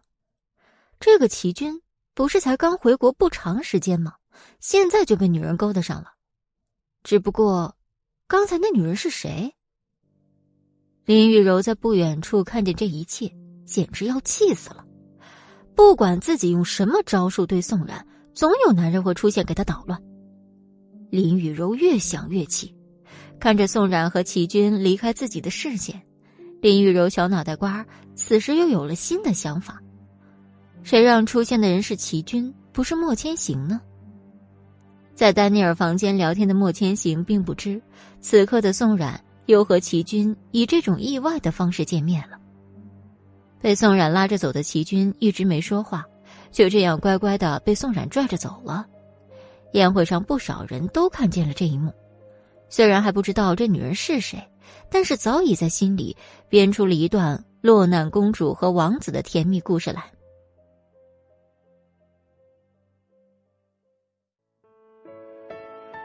五十二集。后知后觉的宋冉看着自己的手还正抓着齐军的胳膊，他反应过来后赶紧松开，并且还向后退了一步，保持一个安全距离。齐军对于宋冉的举动并不觉得有什么问题，笑盈盈的朝前走了一步，拍了拍宋冉的头：“吓着你了。好了，这里人多眼杂，咱们换个地方聊。”宋冉点点头，然后脑海中想到。莫千行生气的样子，赶紧又摇摇头。齐军知道宋冉现在心里在想什么，无非是在怕莫千行。他靠在墙边，小声的说：“莫千行要是在意你，又怎么没有在刚才那种情况去救你？他根本就没有在意你在哪里。还有，他现在也不在这里，你大可放心。”宋冉的心思被齐军看穿，直白的被说出来。这让他心里不是很舒服。不过齐军说的也很对，莫千行根本就不在意自己在哪。现在可以走吗？宋然想了半天，就说了这么无厘头的一句话。齐军觉得不管时间怎么变，可是自己面前这小姑娘一直都没有变。冉冉小姐，我表示非常抱歉，现在这个时间点，我们并不能离开这个地方。真是不好意思。宋冉嘟嘟嘴，一看就是并不满意齐军的回答。不要灰心，我想我们现在可以去一个稍微安静一点的地方待一会儿。你看这样安排，冉冉小姐是否会赏脸前去呢？宋冉没忍住笑出了声，对齐军保持的距离感又没有了，恢复到了以前的相处模式。宋冉大手一挥说：“齐少爷现在零落，本公主确实有点乏累，需要安静的地方休息一下。”两个人配合演完这出戏，相视一笑。齐军带着宋冉来到一个房间内以后，他怕宋冉误会，便主动解释道。这是这次宴会，我父亲找来给我休息的地方。你也知道我的身体，并不适合长时间的劳累，所以，我明白，你放心吧。不过这房间确实很奢华，你们有钱人就是会享受。这种话也就在宋冉嘴里说出来，齐军不反感。他无奈的笑笑，去了里屋。宋冉看见齐军进屋后。这才把自己的高跟鞋脱掉，自己的脚两边早已经磨破了皮。伟大的自己一直忍到现在，真是太辛苦了。现在终于可以放松一下，宋冉觉得自己的双脚得到了自由。一上来，宋冉还怕齐军出来，但是自己去敲门问齐军，回答说自己也要休息一会儿，让他自便。宋冉得到齐军的回答，想着他现在在里屋不出来。自己反倒也自在，解放天性的宋冉索性把自己的脚蹬在沙发上，然后舒服的躺下，望着五颜六色的天花板，宋冉觉得这真是今天最幸福的时刻了。才过去几分钟，宋冉就听见门铃的声音，他想着齐军应该在睡觉，便起身赤脚去开门，莫千行就这样出现在他面前，宋冉觉得。自己的身子被定在原地不能动了。这时，齐军从里屋睡眼朦胧的走了出来。冉冉，你听没听见有人敲门啊？齐军还没有看清眼前的局面，莫千行的拳头已经到了他脸上。齐军被莫千行摁在地上，这才看清莫千行的脸已经气得青筋暴起，他便知道莫千行一定是误会了他和宋然。莫千行，你快放手啊！齐军他的病还没好呢。莫千行听见宋冉来劝架的声音，更加愤怒，紧接着又给了齐军一拳。就这样，莫名其妙挨了两拳，放谁身上都会生气的，对吧？可齐军这时还笑了：“冉冉，我没事，你别过来，伤着你就不好了。”都这个时候了，你们还相互惦记着呢。齐军也没客气，趁着莫千行说话的功夫，给了莫千行一拳。只不过自己毕竟常年不运动，这拳下手并不重。莫千行用手摸了一下自己的嘴角，二话不说又打了回去。宋冉站在一旁，实在不知道自己现在可以做什么。可莫千行现在的样子就像疯了一样。齐军的病没有痊愈，宋冉真怕莫千行会把齐军打死。你们别打了！宋冉就近拿起一个花瓶摔在地上，这一下房间里面安静了。莫千行好像也被宋冉这意外的举动把魂儿给叫了回来，放开了齐军的手。他眼睛盯着宋冉起了身，可宋冉现在的眼神全部都在齐军身上，却没有看到莫千行。齐军自己缓缓爬起，对着宋冉笑了笑，表示自己没事儿。这个时候，一个高大的身影挡住了宋冉跟齐军交汇的视线。宋冉抬头对上莫千行的眼眸：“宋冉，我就离开你一会儿，你就和他又勾搭上了。”莫千行，你这话什么意思？是你一个人把冉冉扔在那里，要不是我去的及时，他又被人欺负了。既然莫千行你那么忙的话，不如就把冉冉还给我，让我来照顾她。宋冉瞪了齐军一眼，莫千行现在还在气头上，齐军怎么可以说这种话？万一再打起来，宋冉可真不知道自己应该怎么办才好。莫千行皱了皱眉头，关注点完全在齐军被人欺负那句话上，自己就是去见一下丹尼尔先生，怎么宋冉这不省心的女人？又差点被人欺负呢。他没有理齐军，在他打量宋冉时，无意中看见他穿鞋的脚已经被磨得通红。不知怎么，莫千行觉得自己心中的火就这样降下来了。宋冉被莫千行看得心里发毛，在心里正组织语言，看看怎么跟莫千行解释他出现在这儿的原因。结果话还没来得及说出口，宋冉就被莫千行公主抱出了齐军的房间。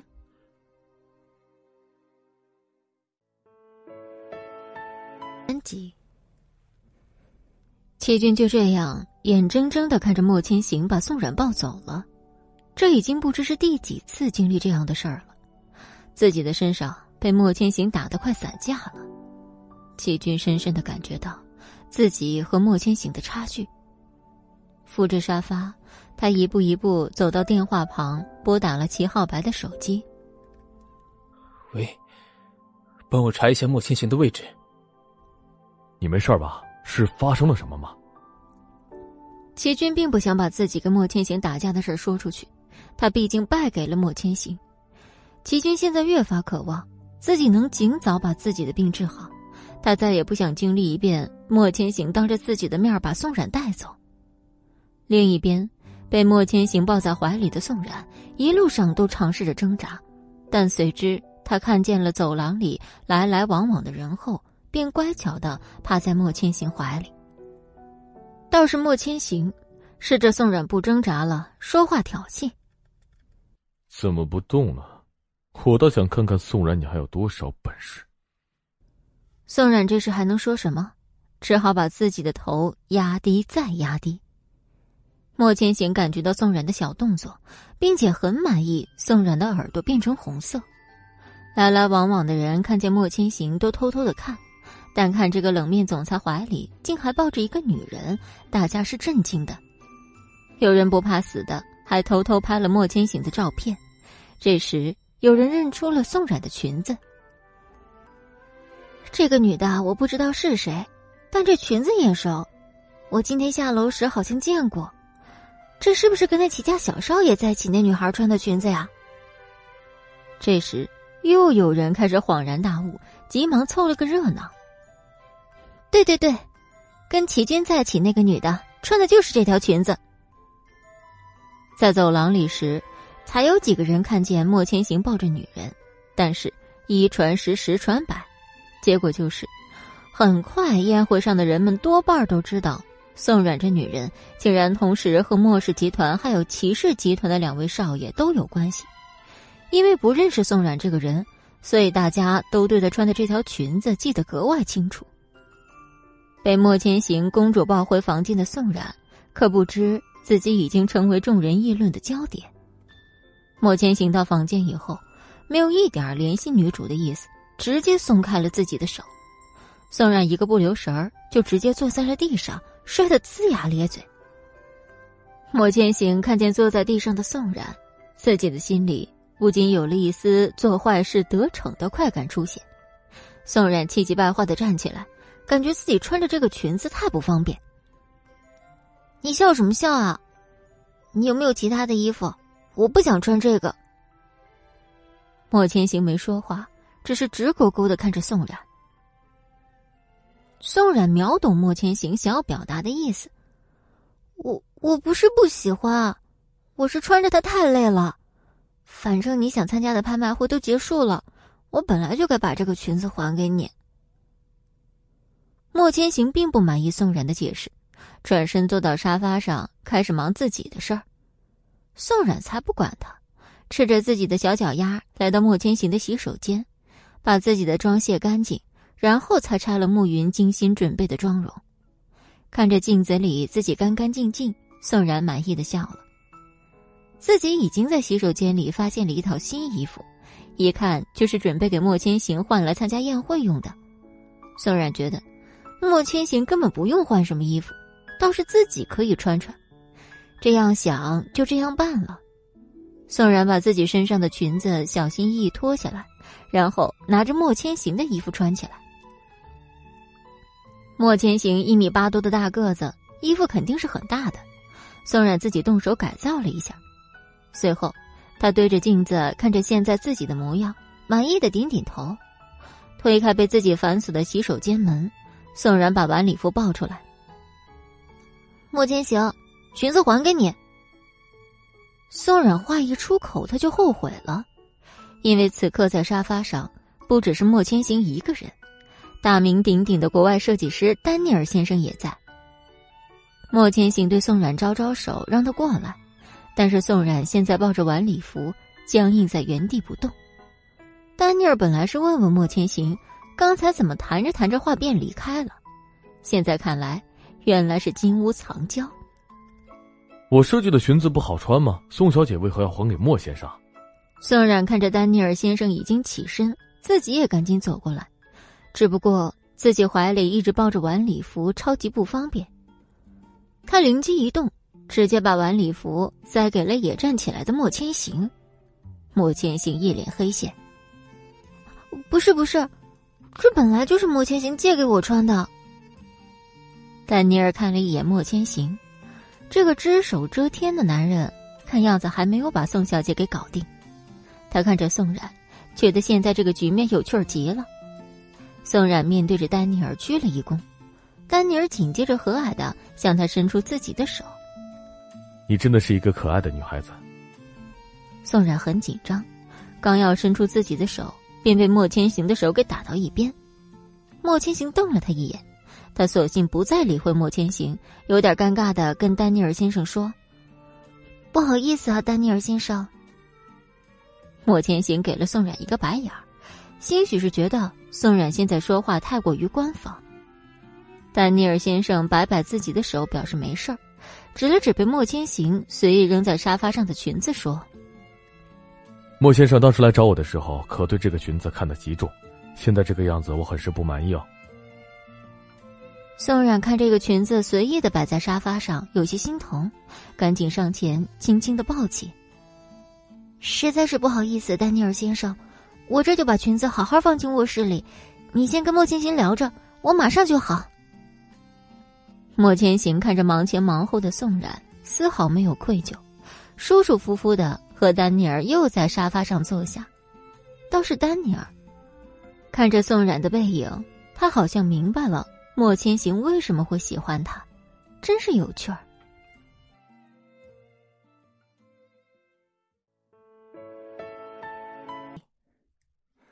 宋冉把裙子好好的摆在卧室的大床上。确定以后，才安心的走出来。莫千行跟丹尼尔先生齐齐的看向他，宋冉觉得自己现在的脸红的肯定像苹果。直到他坐在沙发上，才觉得这一切不真实。宋冉虽然不知设计这个裙子是什么样的，但丹尼尔的大名他早就听过。他一直乖巧的坐在一旁，听莫千行和丹尼尔交谈，自己偶尔被 Q 到。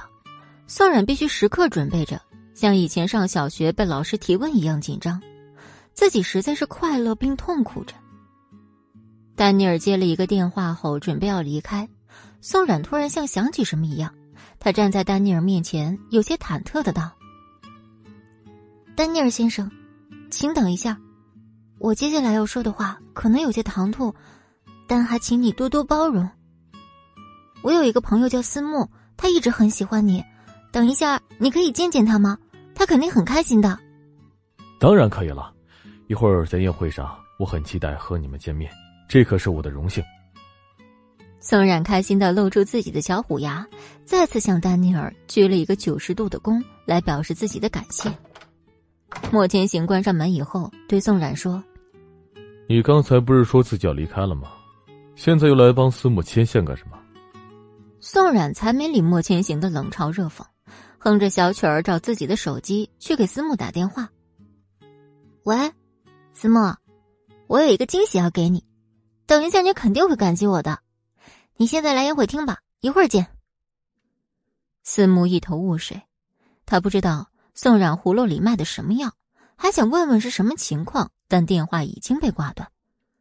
宋然转身发现莫千行也跟着来了卧室，于是说道：“莫千行。”你来干什么？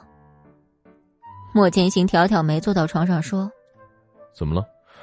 我的卧室还不让我休息了？你说我进来干什么？听完莫千行说的话，宋然可没了刚才的硬气，于是抱起在床上的晚礼服，准备去洗手间里换上。莫千行伸手拽住了裙摆。你要干什么？莫千行看着宋冉，眼里充满戒备，非常不满意。他指了指旁边一个柜子，说：“别穿这件了，那里有准备好的新裙子。还有，你身上的那件是这里的人准备的，脏。”宋冉看了看自己身上的白衬衫，自我感觉挺不错的。莫千行这个人就是怪癖太多，但是现在，宋冉可不敢当着莫千行的面吐槽。自己认真的点点头，走进那个柜子，打开一看，里面有条裙子，样子也不比丹尼尔先生设计的那件差。最重要的是，这裙子不繁琐，简单大方。这还是主要归根于莫千行完全了解宋冉的品味。甚得宋冉的欢心。谢谢你啊，莫千行。莫千行表面嗯了一声就没了，其实自己心里还是非常开心的。宋冉拿着这件新裙子去了洗手间，这时司慕打来电话：“什么事？那个莫总，宋冉小姐让我去一趟宴会厅，你看我要不要去啊？”莫千行笑了。看思慕说话这语气是在征求他的意见。我和他在一起，他帮你争取了一个和丹尼尔先生见面聊天的机会。等下你出现的时候，可千万别掉链子。你代表的，可是我们莫氏集团设计部的门面。莫千行这次难得没有挂电话，最后还回了一句：“啊，我好激动啊！莫总，莫总，我这就准备一下上去和你们会合。别太激动，我们等你。”这可真是破天荒的第一次。思慕觉得，自己现在快要幸福死了。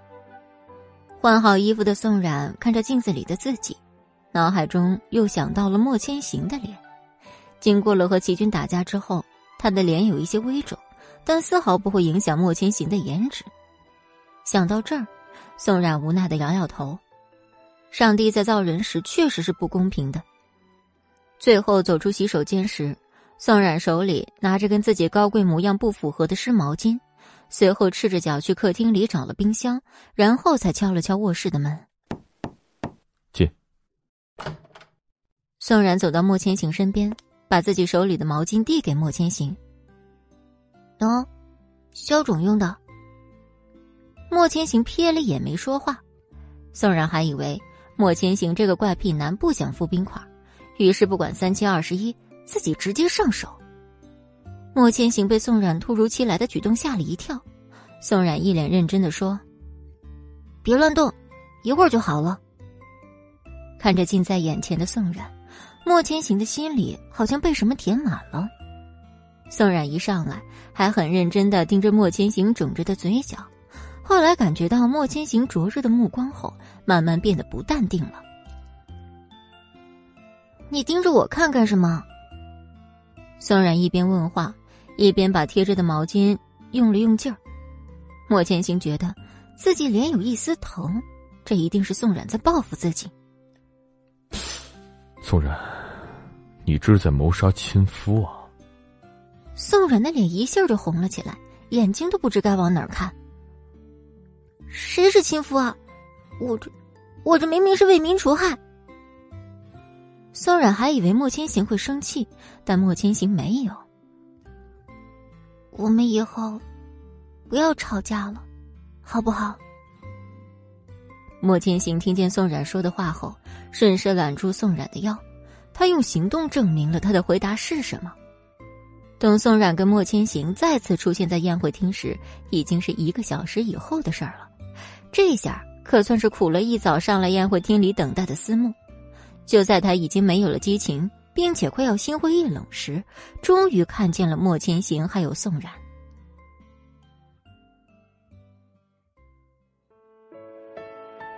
咦，四木赶紧迎上去，准备倾诉自己的苦水。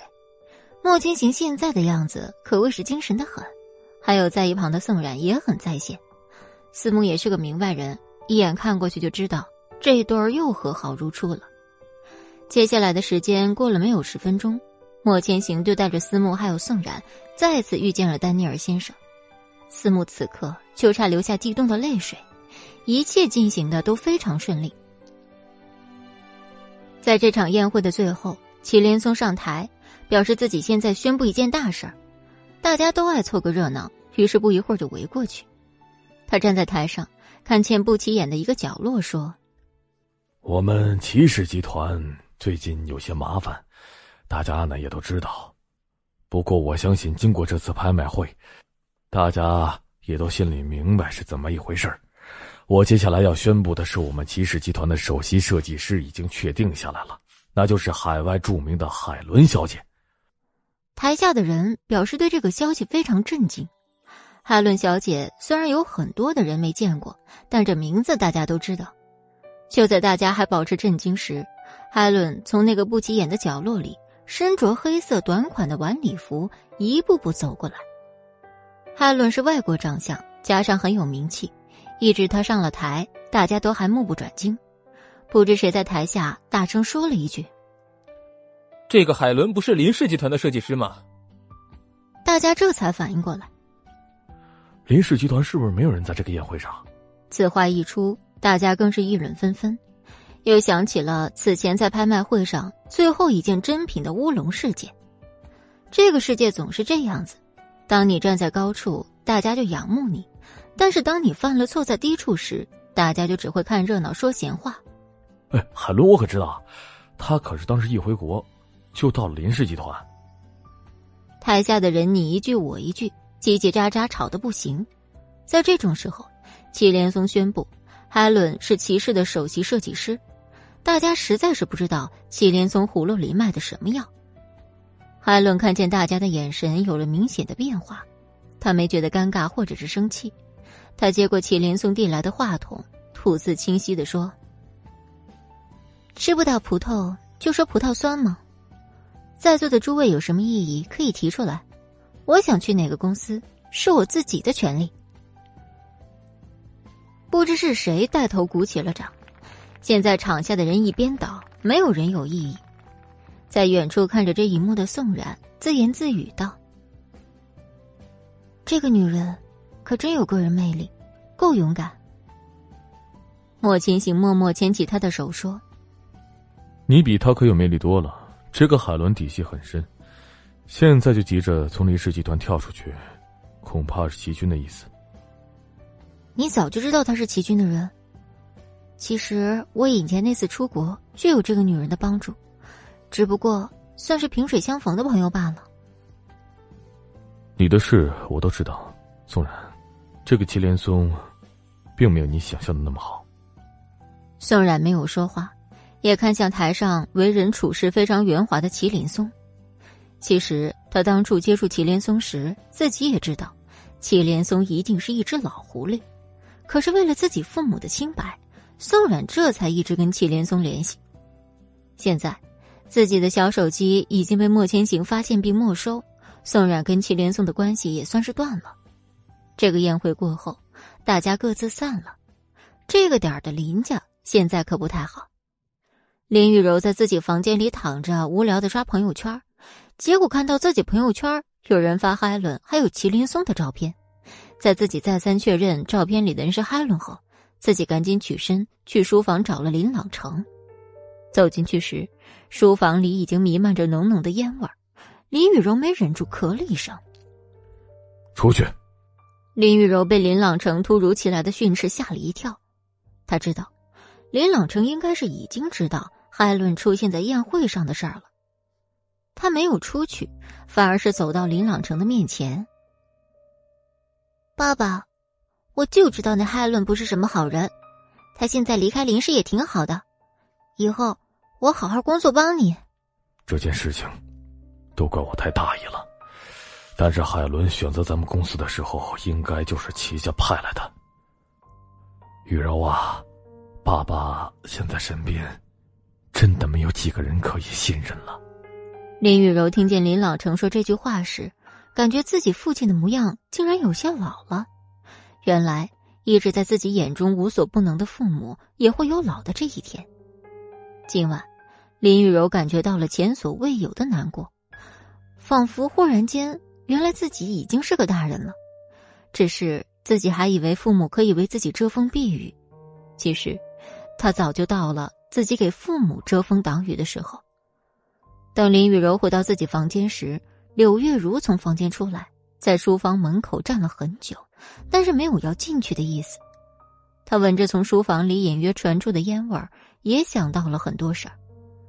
自己和林朗成在一起也不知多少个年头了，从一开始非常讨厌林朗成的城府，到现在慢慢觉得自己被同化。原来，自己真的会慢慢的变成自己曾经最讨厌的模样。今天骑士集团算是出尽了风头，还在宴会的最后给不在场的林氏集团最后一击。这一切的一切，在现在看来，不只是祁连松一个人布的局。海伦这个女人也不只是一个外国女设计师那么简单。林朗成觉得有必要把自己的计划往前面提一提。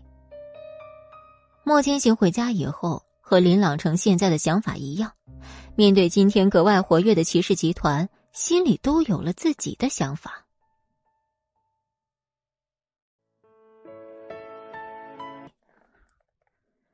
自从拍卖会那天结束以后。林氏集团的日子便开始不再好过，林朗成为此操碎了心。连续几天的工作，感觉整个人变老了好几岁。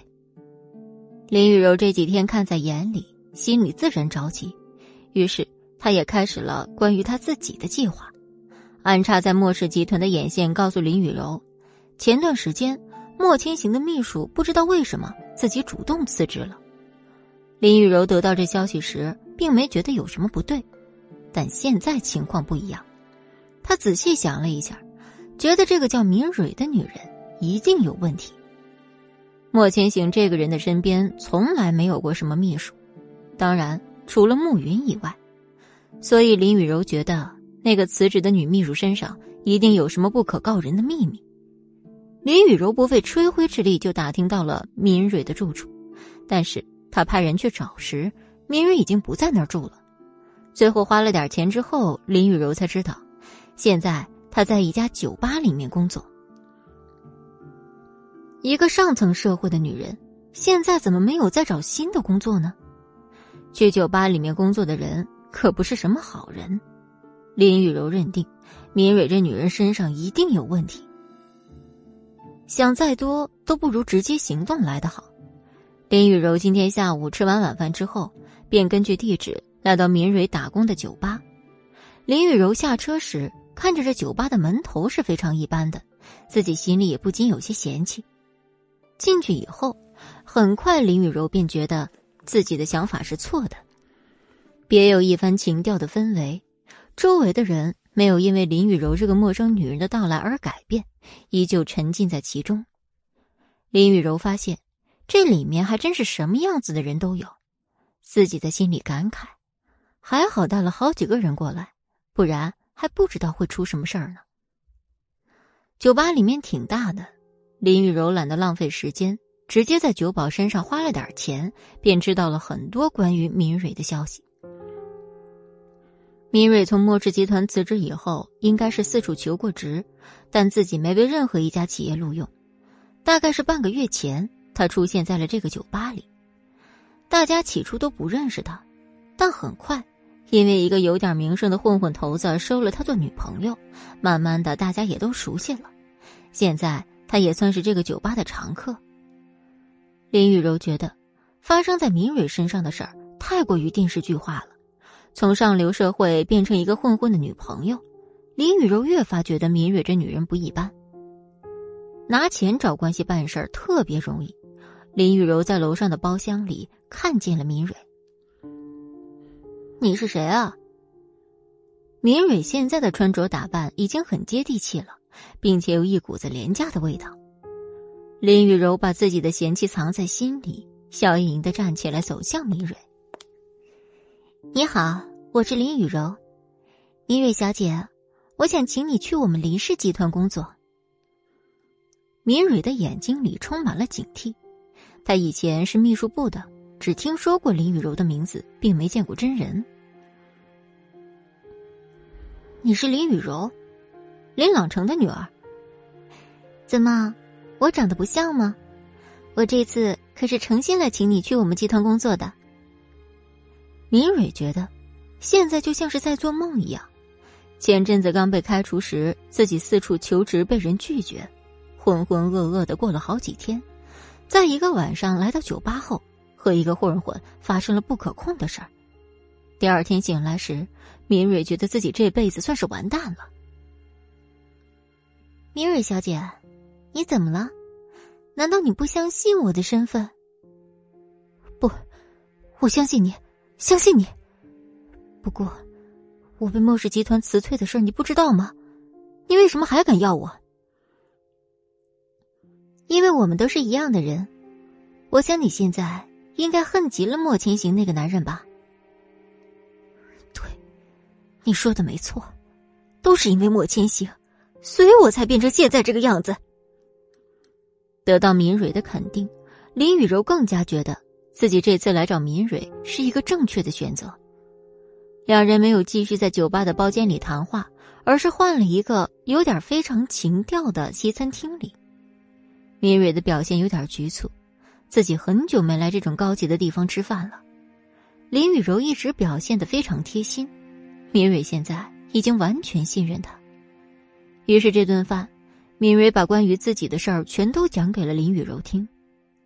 林雨柔表面上跟敏蕊应和他的话，但心里已经开始算计怎么去利用敏蕊给莫千行找点事儿做。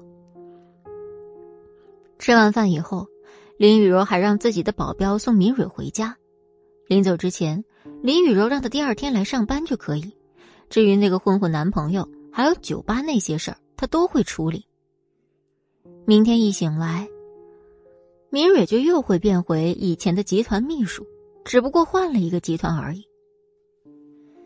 小静在第二天中午便收到了自己在林氏集团安插眼线的汇报，说是以前莫总身边那个女秘书现在正在林氏集团。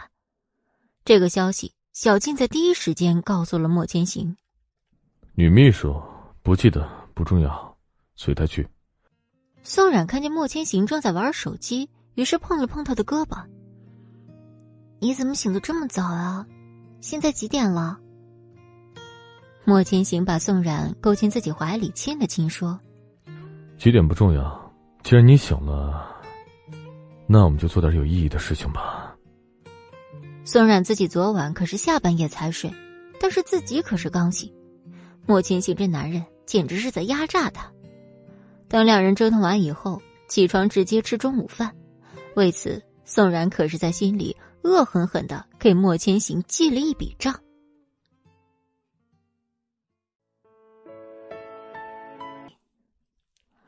来到林氏集团的明蕊被调到了设计部当林雨柔的助理。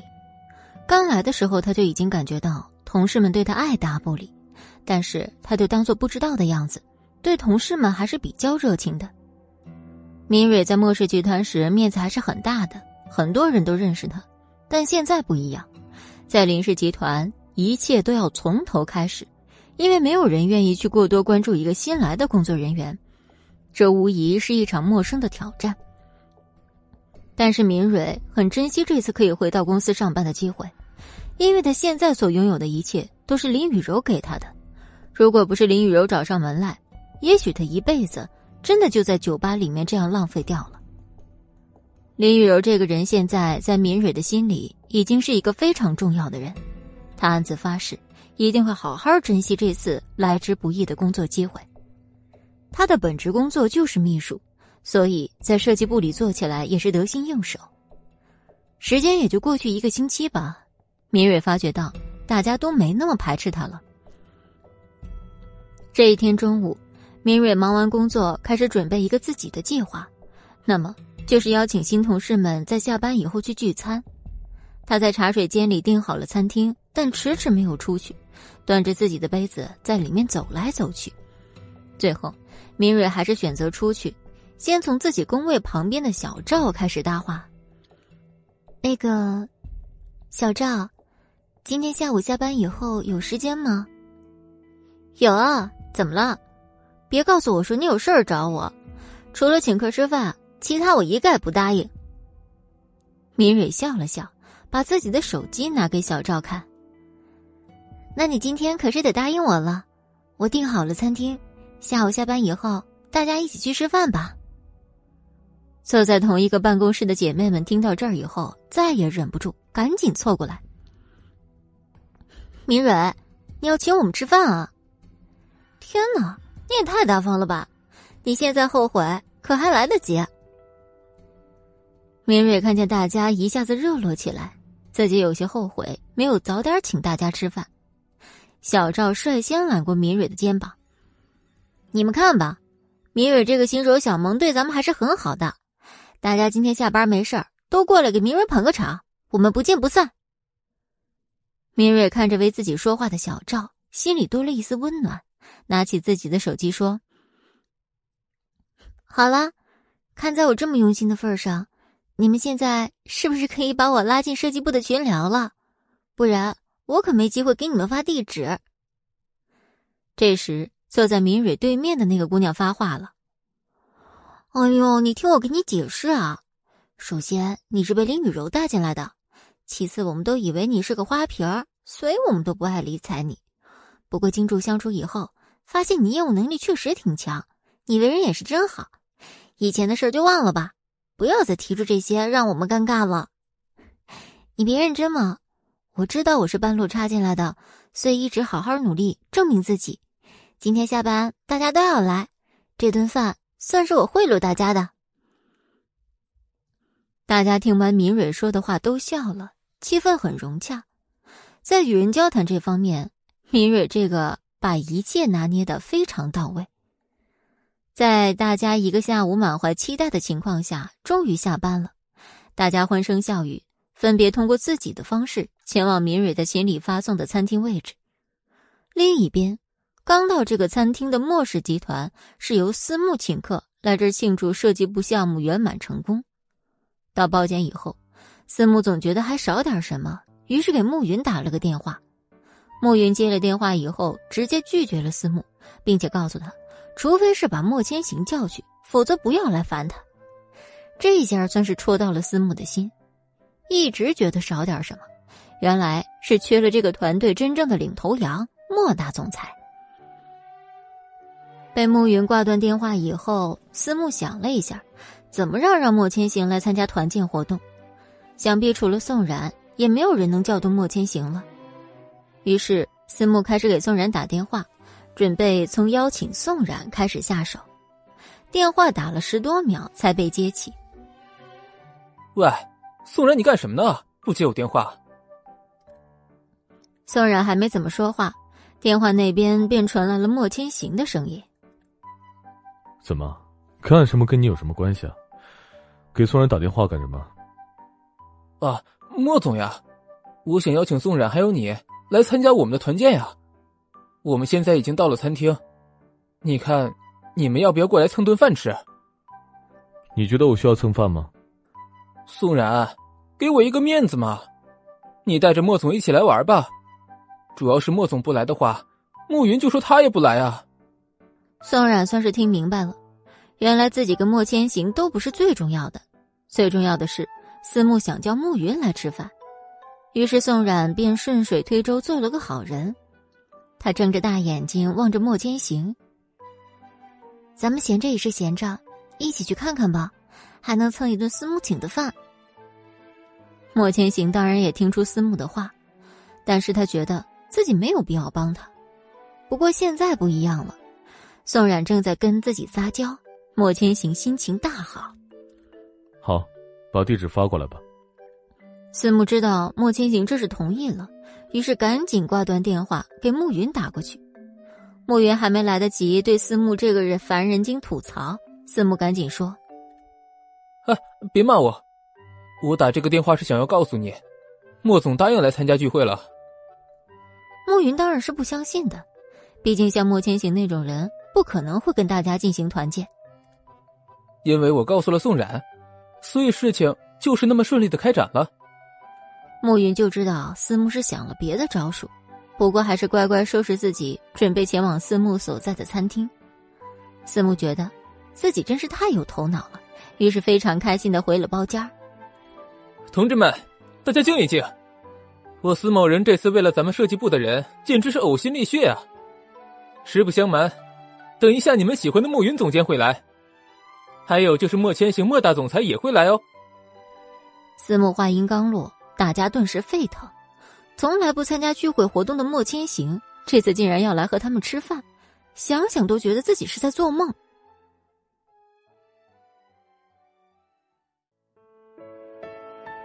九十八集。明蕊在车上给林雨柔打了一个电话。喂，怎么了，米蕊？雨柔小姐，我订了一家餐厅，把设计部的人都请着了，你看你有没有时间来一起吃饭啊？林雨柔现在正在家忙着赶方案，她看了看时间，说：“米蕊，你对他们那群人可真好，我还在忙，就不过去了。”林雨柔的电话毫无预兆的被挂断，明蕊只好对着同一辆车的小赵尴尬的笑笑。小赵当然知道明蕊被挂了电话，但想了一下，还是说：“明蕊啊，你怎么认识林雨柔的？”“啊，啊，我跟林雨柔碰巧认识的，她对我很好，现在可能是太忙了才挂我电话。”“哦，你呀，真是太善良了。”我们设计部的人都不喜欢林雨柔，要不是因为她是总裁的女儿，我们更不会理会她。你们不喜欢林雨柔，所以夹带上不喜欢我这个雨柔的秘书，是吧？小赵没说话，明蕊知道自己推测是对的，原来是因为林雨柔。明蕊还在一直怀疑是自己有问题，现在真相大白以后，她觉得心里舒服多了。换一个新的地方重新开始，这种感觉也挺好的。小赵还算是一个有分寸的人，见好就收，没有跟明蕊说太多林雨柔的坏话。毕竟，明蕊是林雨柔带进公司的，所以小赵还是很清楚自己几斤几两。话说多了，很容易惹出祸端。为了一顿饭，那可真是不值得。过了一会儿，终于到达餐厅门口，小赵抢着把出租车钱给付了。两人就这样有说有笑的走进来。与此同时，思慕一个人出来，正在大厅门口等待慕云大驾光临。于是，非常巧合的事儿发生了。思慕凭借自己超群的记忆力，对上迎面走来的明蕊时，竟把他给认了出来。莫千行的小助理，你怎么在这里？是莫千行来了吗？小赵看着对自己还有明蕊说话的男人，着实有些眼熟。明蕊面对突然出现的思慕，也非常的疑惑，并且他竟然还给自己叫做莫千行的小助理，自己现在的心里很是窝火。不好意思，你认错人了吧？明蕊说完这话，便拉着小赵去前台。思慕听明蕊说这话，自己也很疑惑，这明明就是莫千行办公室那个新秘书，怎么现在装作不认识自己呢？反正也没等到暮云，索性就跟着明蕊跟小赵走到了前台。前台服务人员问：“你好，女士，请问几位？有预定吗？”“哦，我订的包间我是明蕊。”前台听完以后，开始在电脑上查客户资料。在一旁的思慕又开始说话：“明蕊，对，就是明蕊，你不就是莫千行的秘书吗？怎么装不认识我呀？”明蕊面对不依不饶的思慕，真是一头黑线。这时，包间里等了半天没等到思慕的副总监走了出来。思慕，你干什么呢？不是让你出来接人吗？怎么还跟别的女生勾搭起来了？思慕见出来的副总监，于是不管三七二十一拉了过来。小徐，你看看这个是谁？哎，这不是被莫总开除的那个秘书？思慕，你怎么和他勾搭上了？不只是思慕愣在原地，同事震惊的还有根本不知什么情况的小赵。明蕊现在彻底装不下去了，对副总监说：“你说话注意点，是我主动离职，不是莫千行开除的我。”明蕊的话彻底坐实了他曾经是莫千行秘书这件事儿，至于是被开除还是自己主动辞职，那就不知道了。副总监可不知明蕊唬人这一套，撇撇嘴说。明蕊，你自己怎么离开的公司，你自己真的不清楚吗？可快收起你自欺欺人的那一套吧！明蕊对上这个职场老油条，真是招架不住，脸都要气绿了。他当然不想浪费时间跟以前的人说话。他发现站在自己身边的小赵，不知什么时候已经不在了。明蕊突然意识到，刚才自己这些丑陋的一面全都被小赵听见了，自己以前那些污点，现在再一次被摆到了面前。他狠狠瞪了司慕一眼，然后走了出去。司慕觉得这乌龙真的闹大了。按照副总监的话来说，这明蕊是被莫千行开除的。司慕觉得，明蕊跟莫千行之间应该是没有什么问题的。小赵正站在门口，明蕊看见他之后，心里稍微放松一些，至少他们一声不吭便离开，这对一个没有朋友的明蕊来说已经很不错了。明蕊走过去想牵起他的手跟他解释，但小赵没给他这个机会，巧妙闪开了。这时，莫千行带着宋冉，身后还跟着慕云一起迎面朝他们走来。明蕊第一眼就注意到那个曾经在办公室见到过的女人，可宋冉并没在意，倒是慕云一眼便看见了明蕊的存在。明蕊，你怎么在这儿？面对慕云的话，明蕊并不想理会。这时宋冉说话了：“你的朋友，看上去好像不开心。这是莫总前段时间的秘书。”莫千行都没正眼看明蕊一眼，对着宋冉说：“我没有印象，我不认识他。”就这样，三人便掠过明蕊，还有在一旁的小赵，走进了餐厅。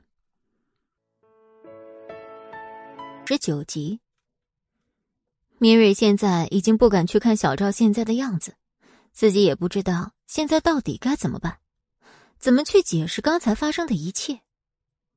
莫千行跟宋冉进餐厅以前，宋冉还有点不放心的转身看向明蕊的背景。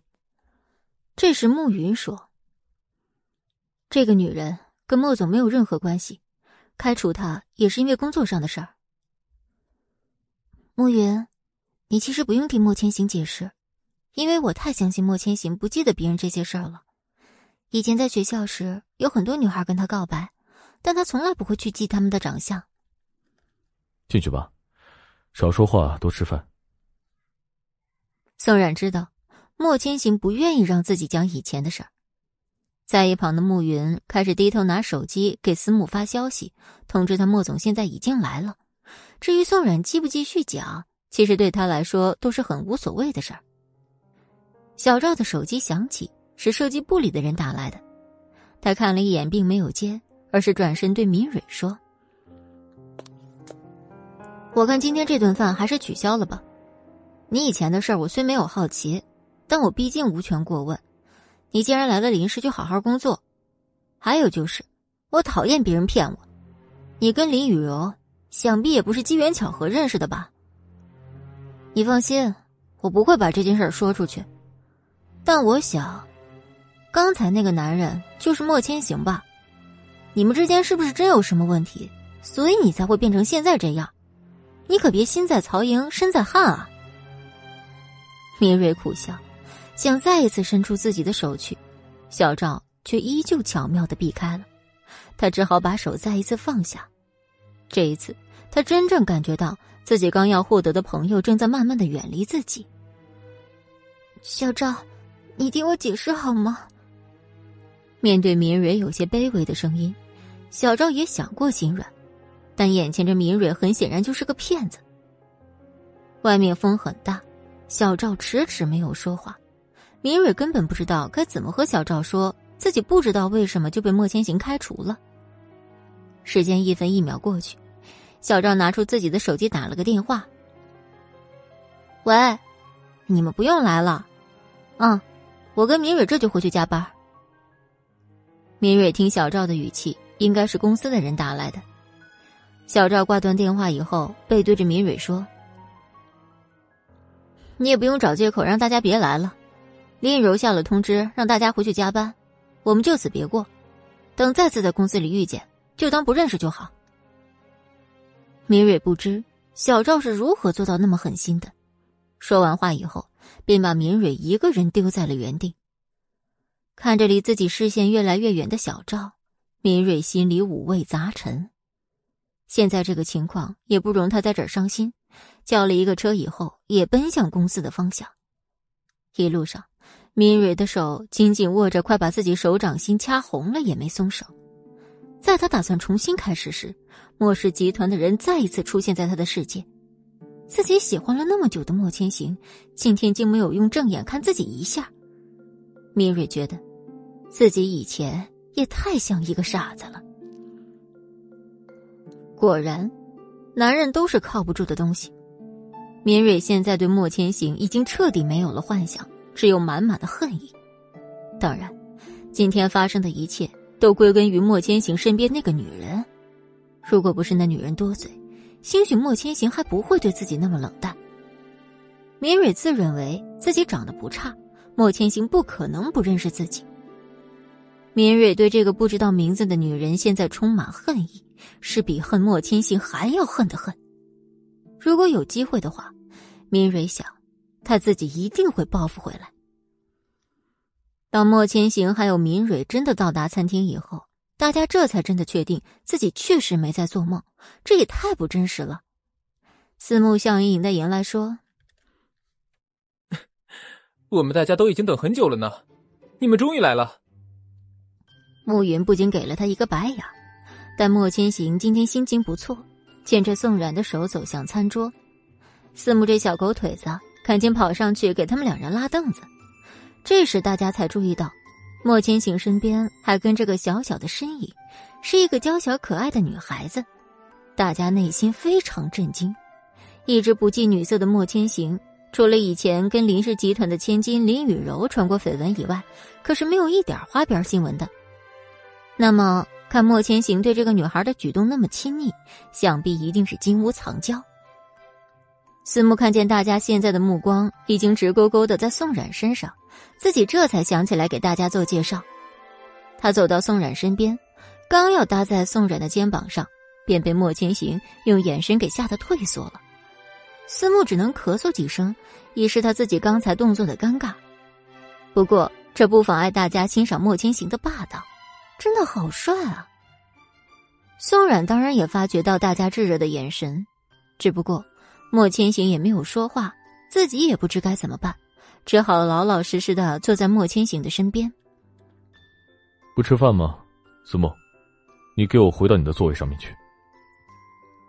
思慕还没想好怎么介绍宋冉的身份，莫千行就开始催促的上菜，他只好匆匆的说：“他叫宋冉，咱们莫总的人。”宋冉看看大家，缓缓站起，笑了笑，看着他们说：“你们好，我是宋冉。”莫总的女人站起来了，于是大家都站了起来。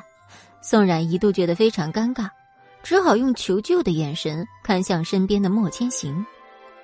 大家坐下吧，今天这顿我请了。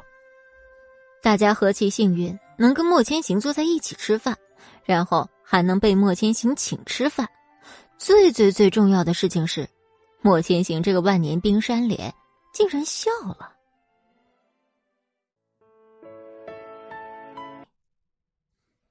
由思慕组织的这次设计部的聚会非常成功，大家开开心心聚在一起，最后又开开心心的离开了。莫千行看见自己对面已经醉得不省人事的思慕，摇了摇头。暮云看见思慕摇头，于是主动说：“莫总，你跟宋冉小姐回家就可以了，我等一下可以送思慕回家，你放心好了。”宋冉听到慕云说的话。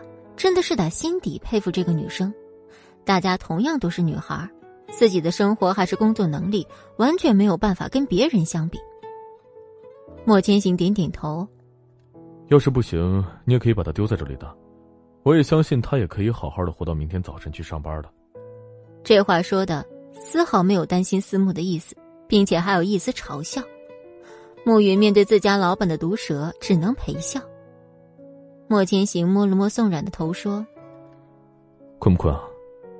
咱们回家吧。”宋冉觉得，莫千行这个动作实在是太亲昵了，毕竟慕云还有喝醉的思慕在场，于是，莫千行牵起他的手站起，宋冉的小脸就这样红了。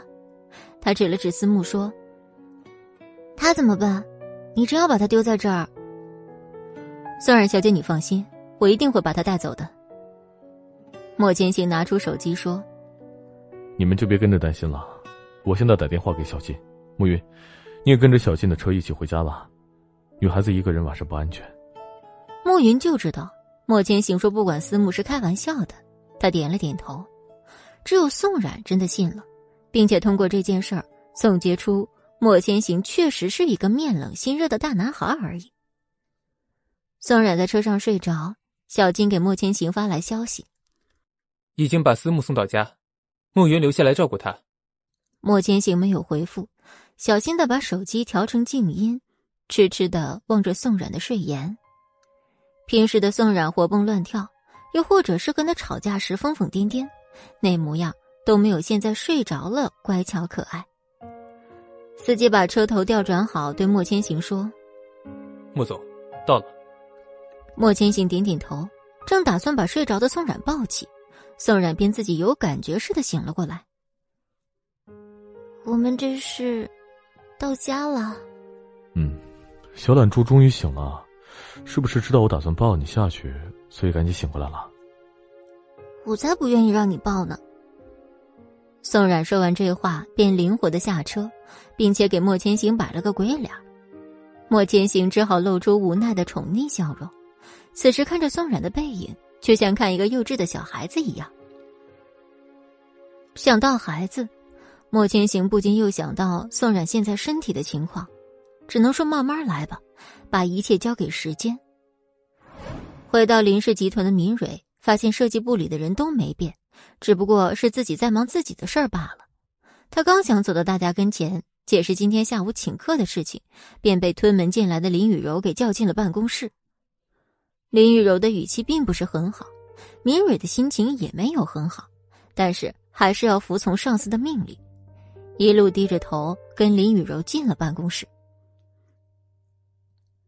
林雨柔从桌上拿起报表，抬头便看见心不在焉的明蕊。明蕊，你这是怎么了？因为我打扰你的饭局，你便不开心了吗？明蕊觉得林雨柔一定是误会了他。自己没有因为林雨柔不开心过，自己直到现在回到公司，但是还是对莫千行身边的陌生女子好奇，于是赶紧把今天下班后餐厅发生的事儿说给林雨柔听。林雨柔听完明蕊说的话，完全确定莫千行身边的女人就是宋冉，只不过还不能全部告诉明蕊。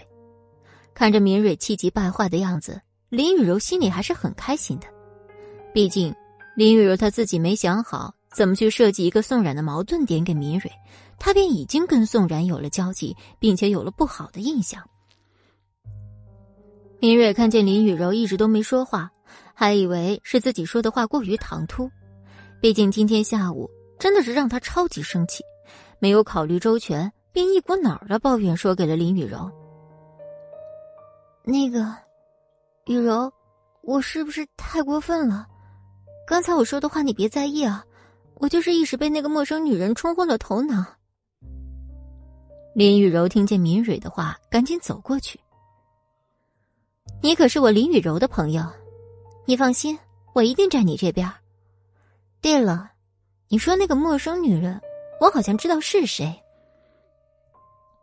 是谁？你快告诉我。她叫宋冉，是莫千行的情妇。你也知道。我本来差点跟莫千行结婚的，说来故事就长了。总之，最后因为这狐狸精，我跟莫千行便分手了。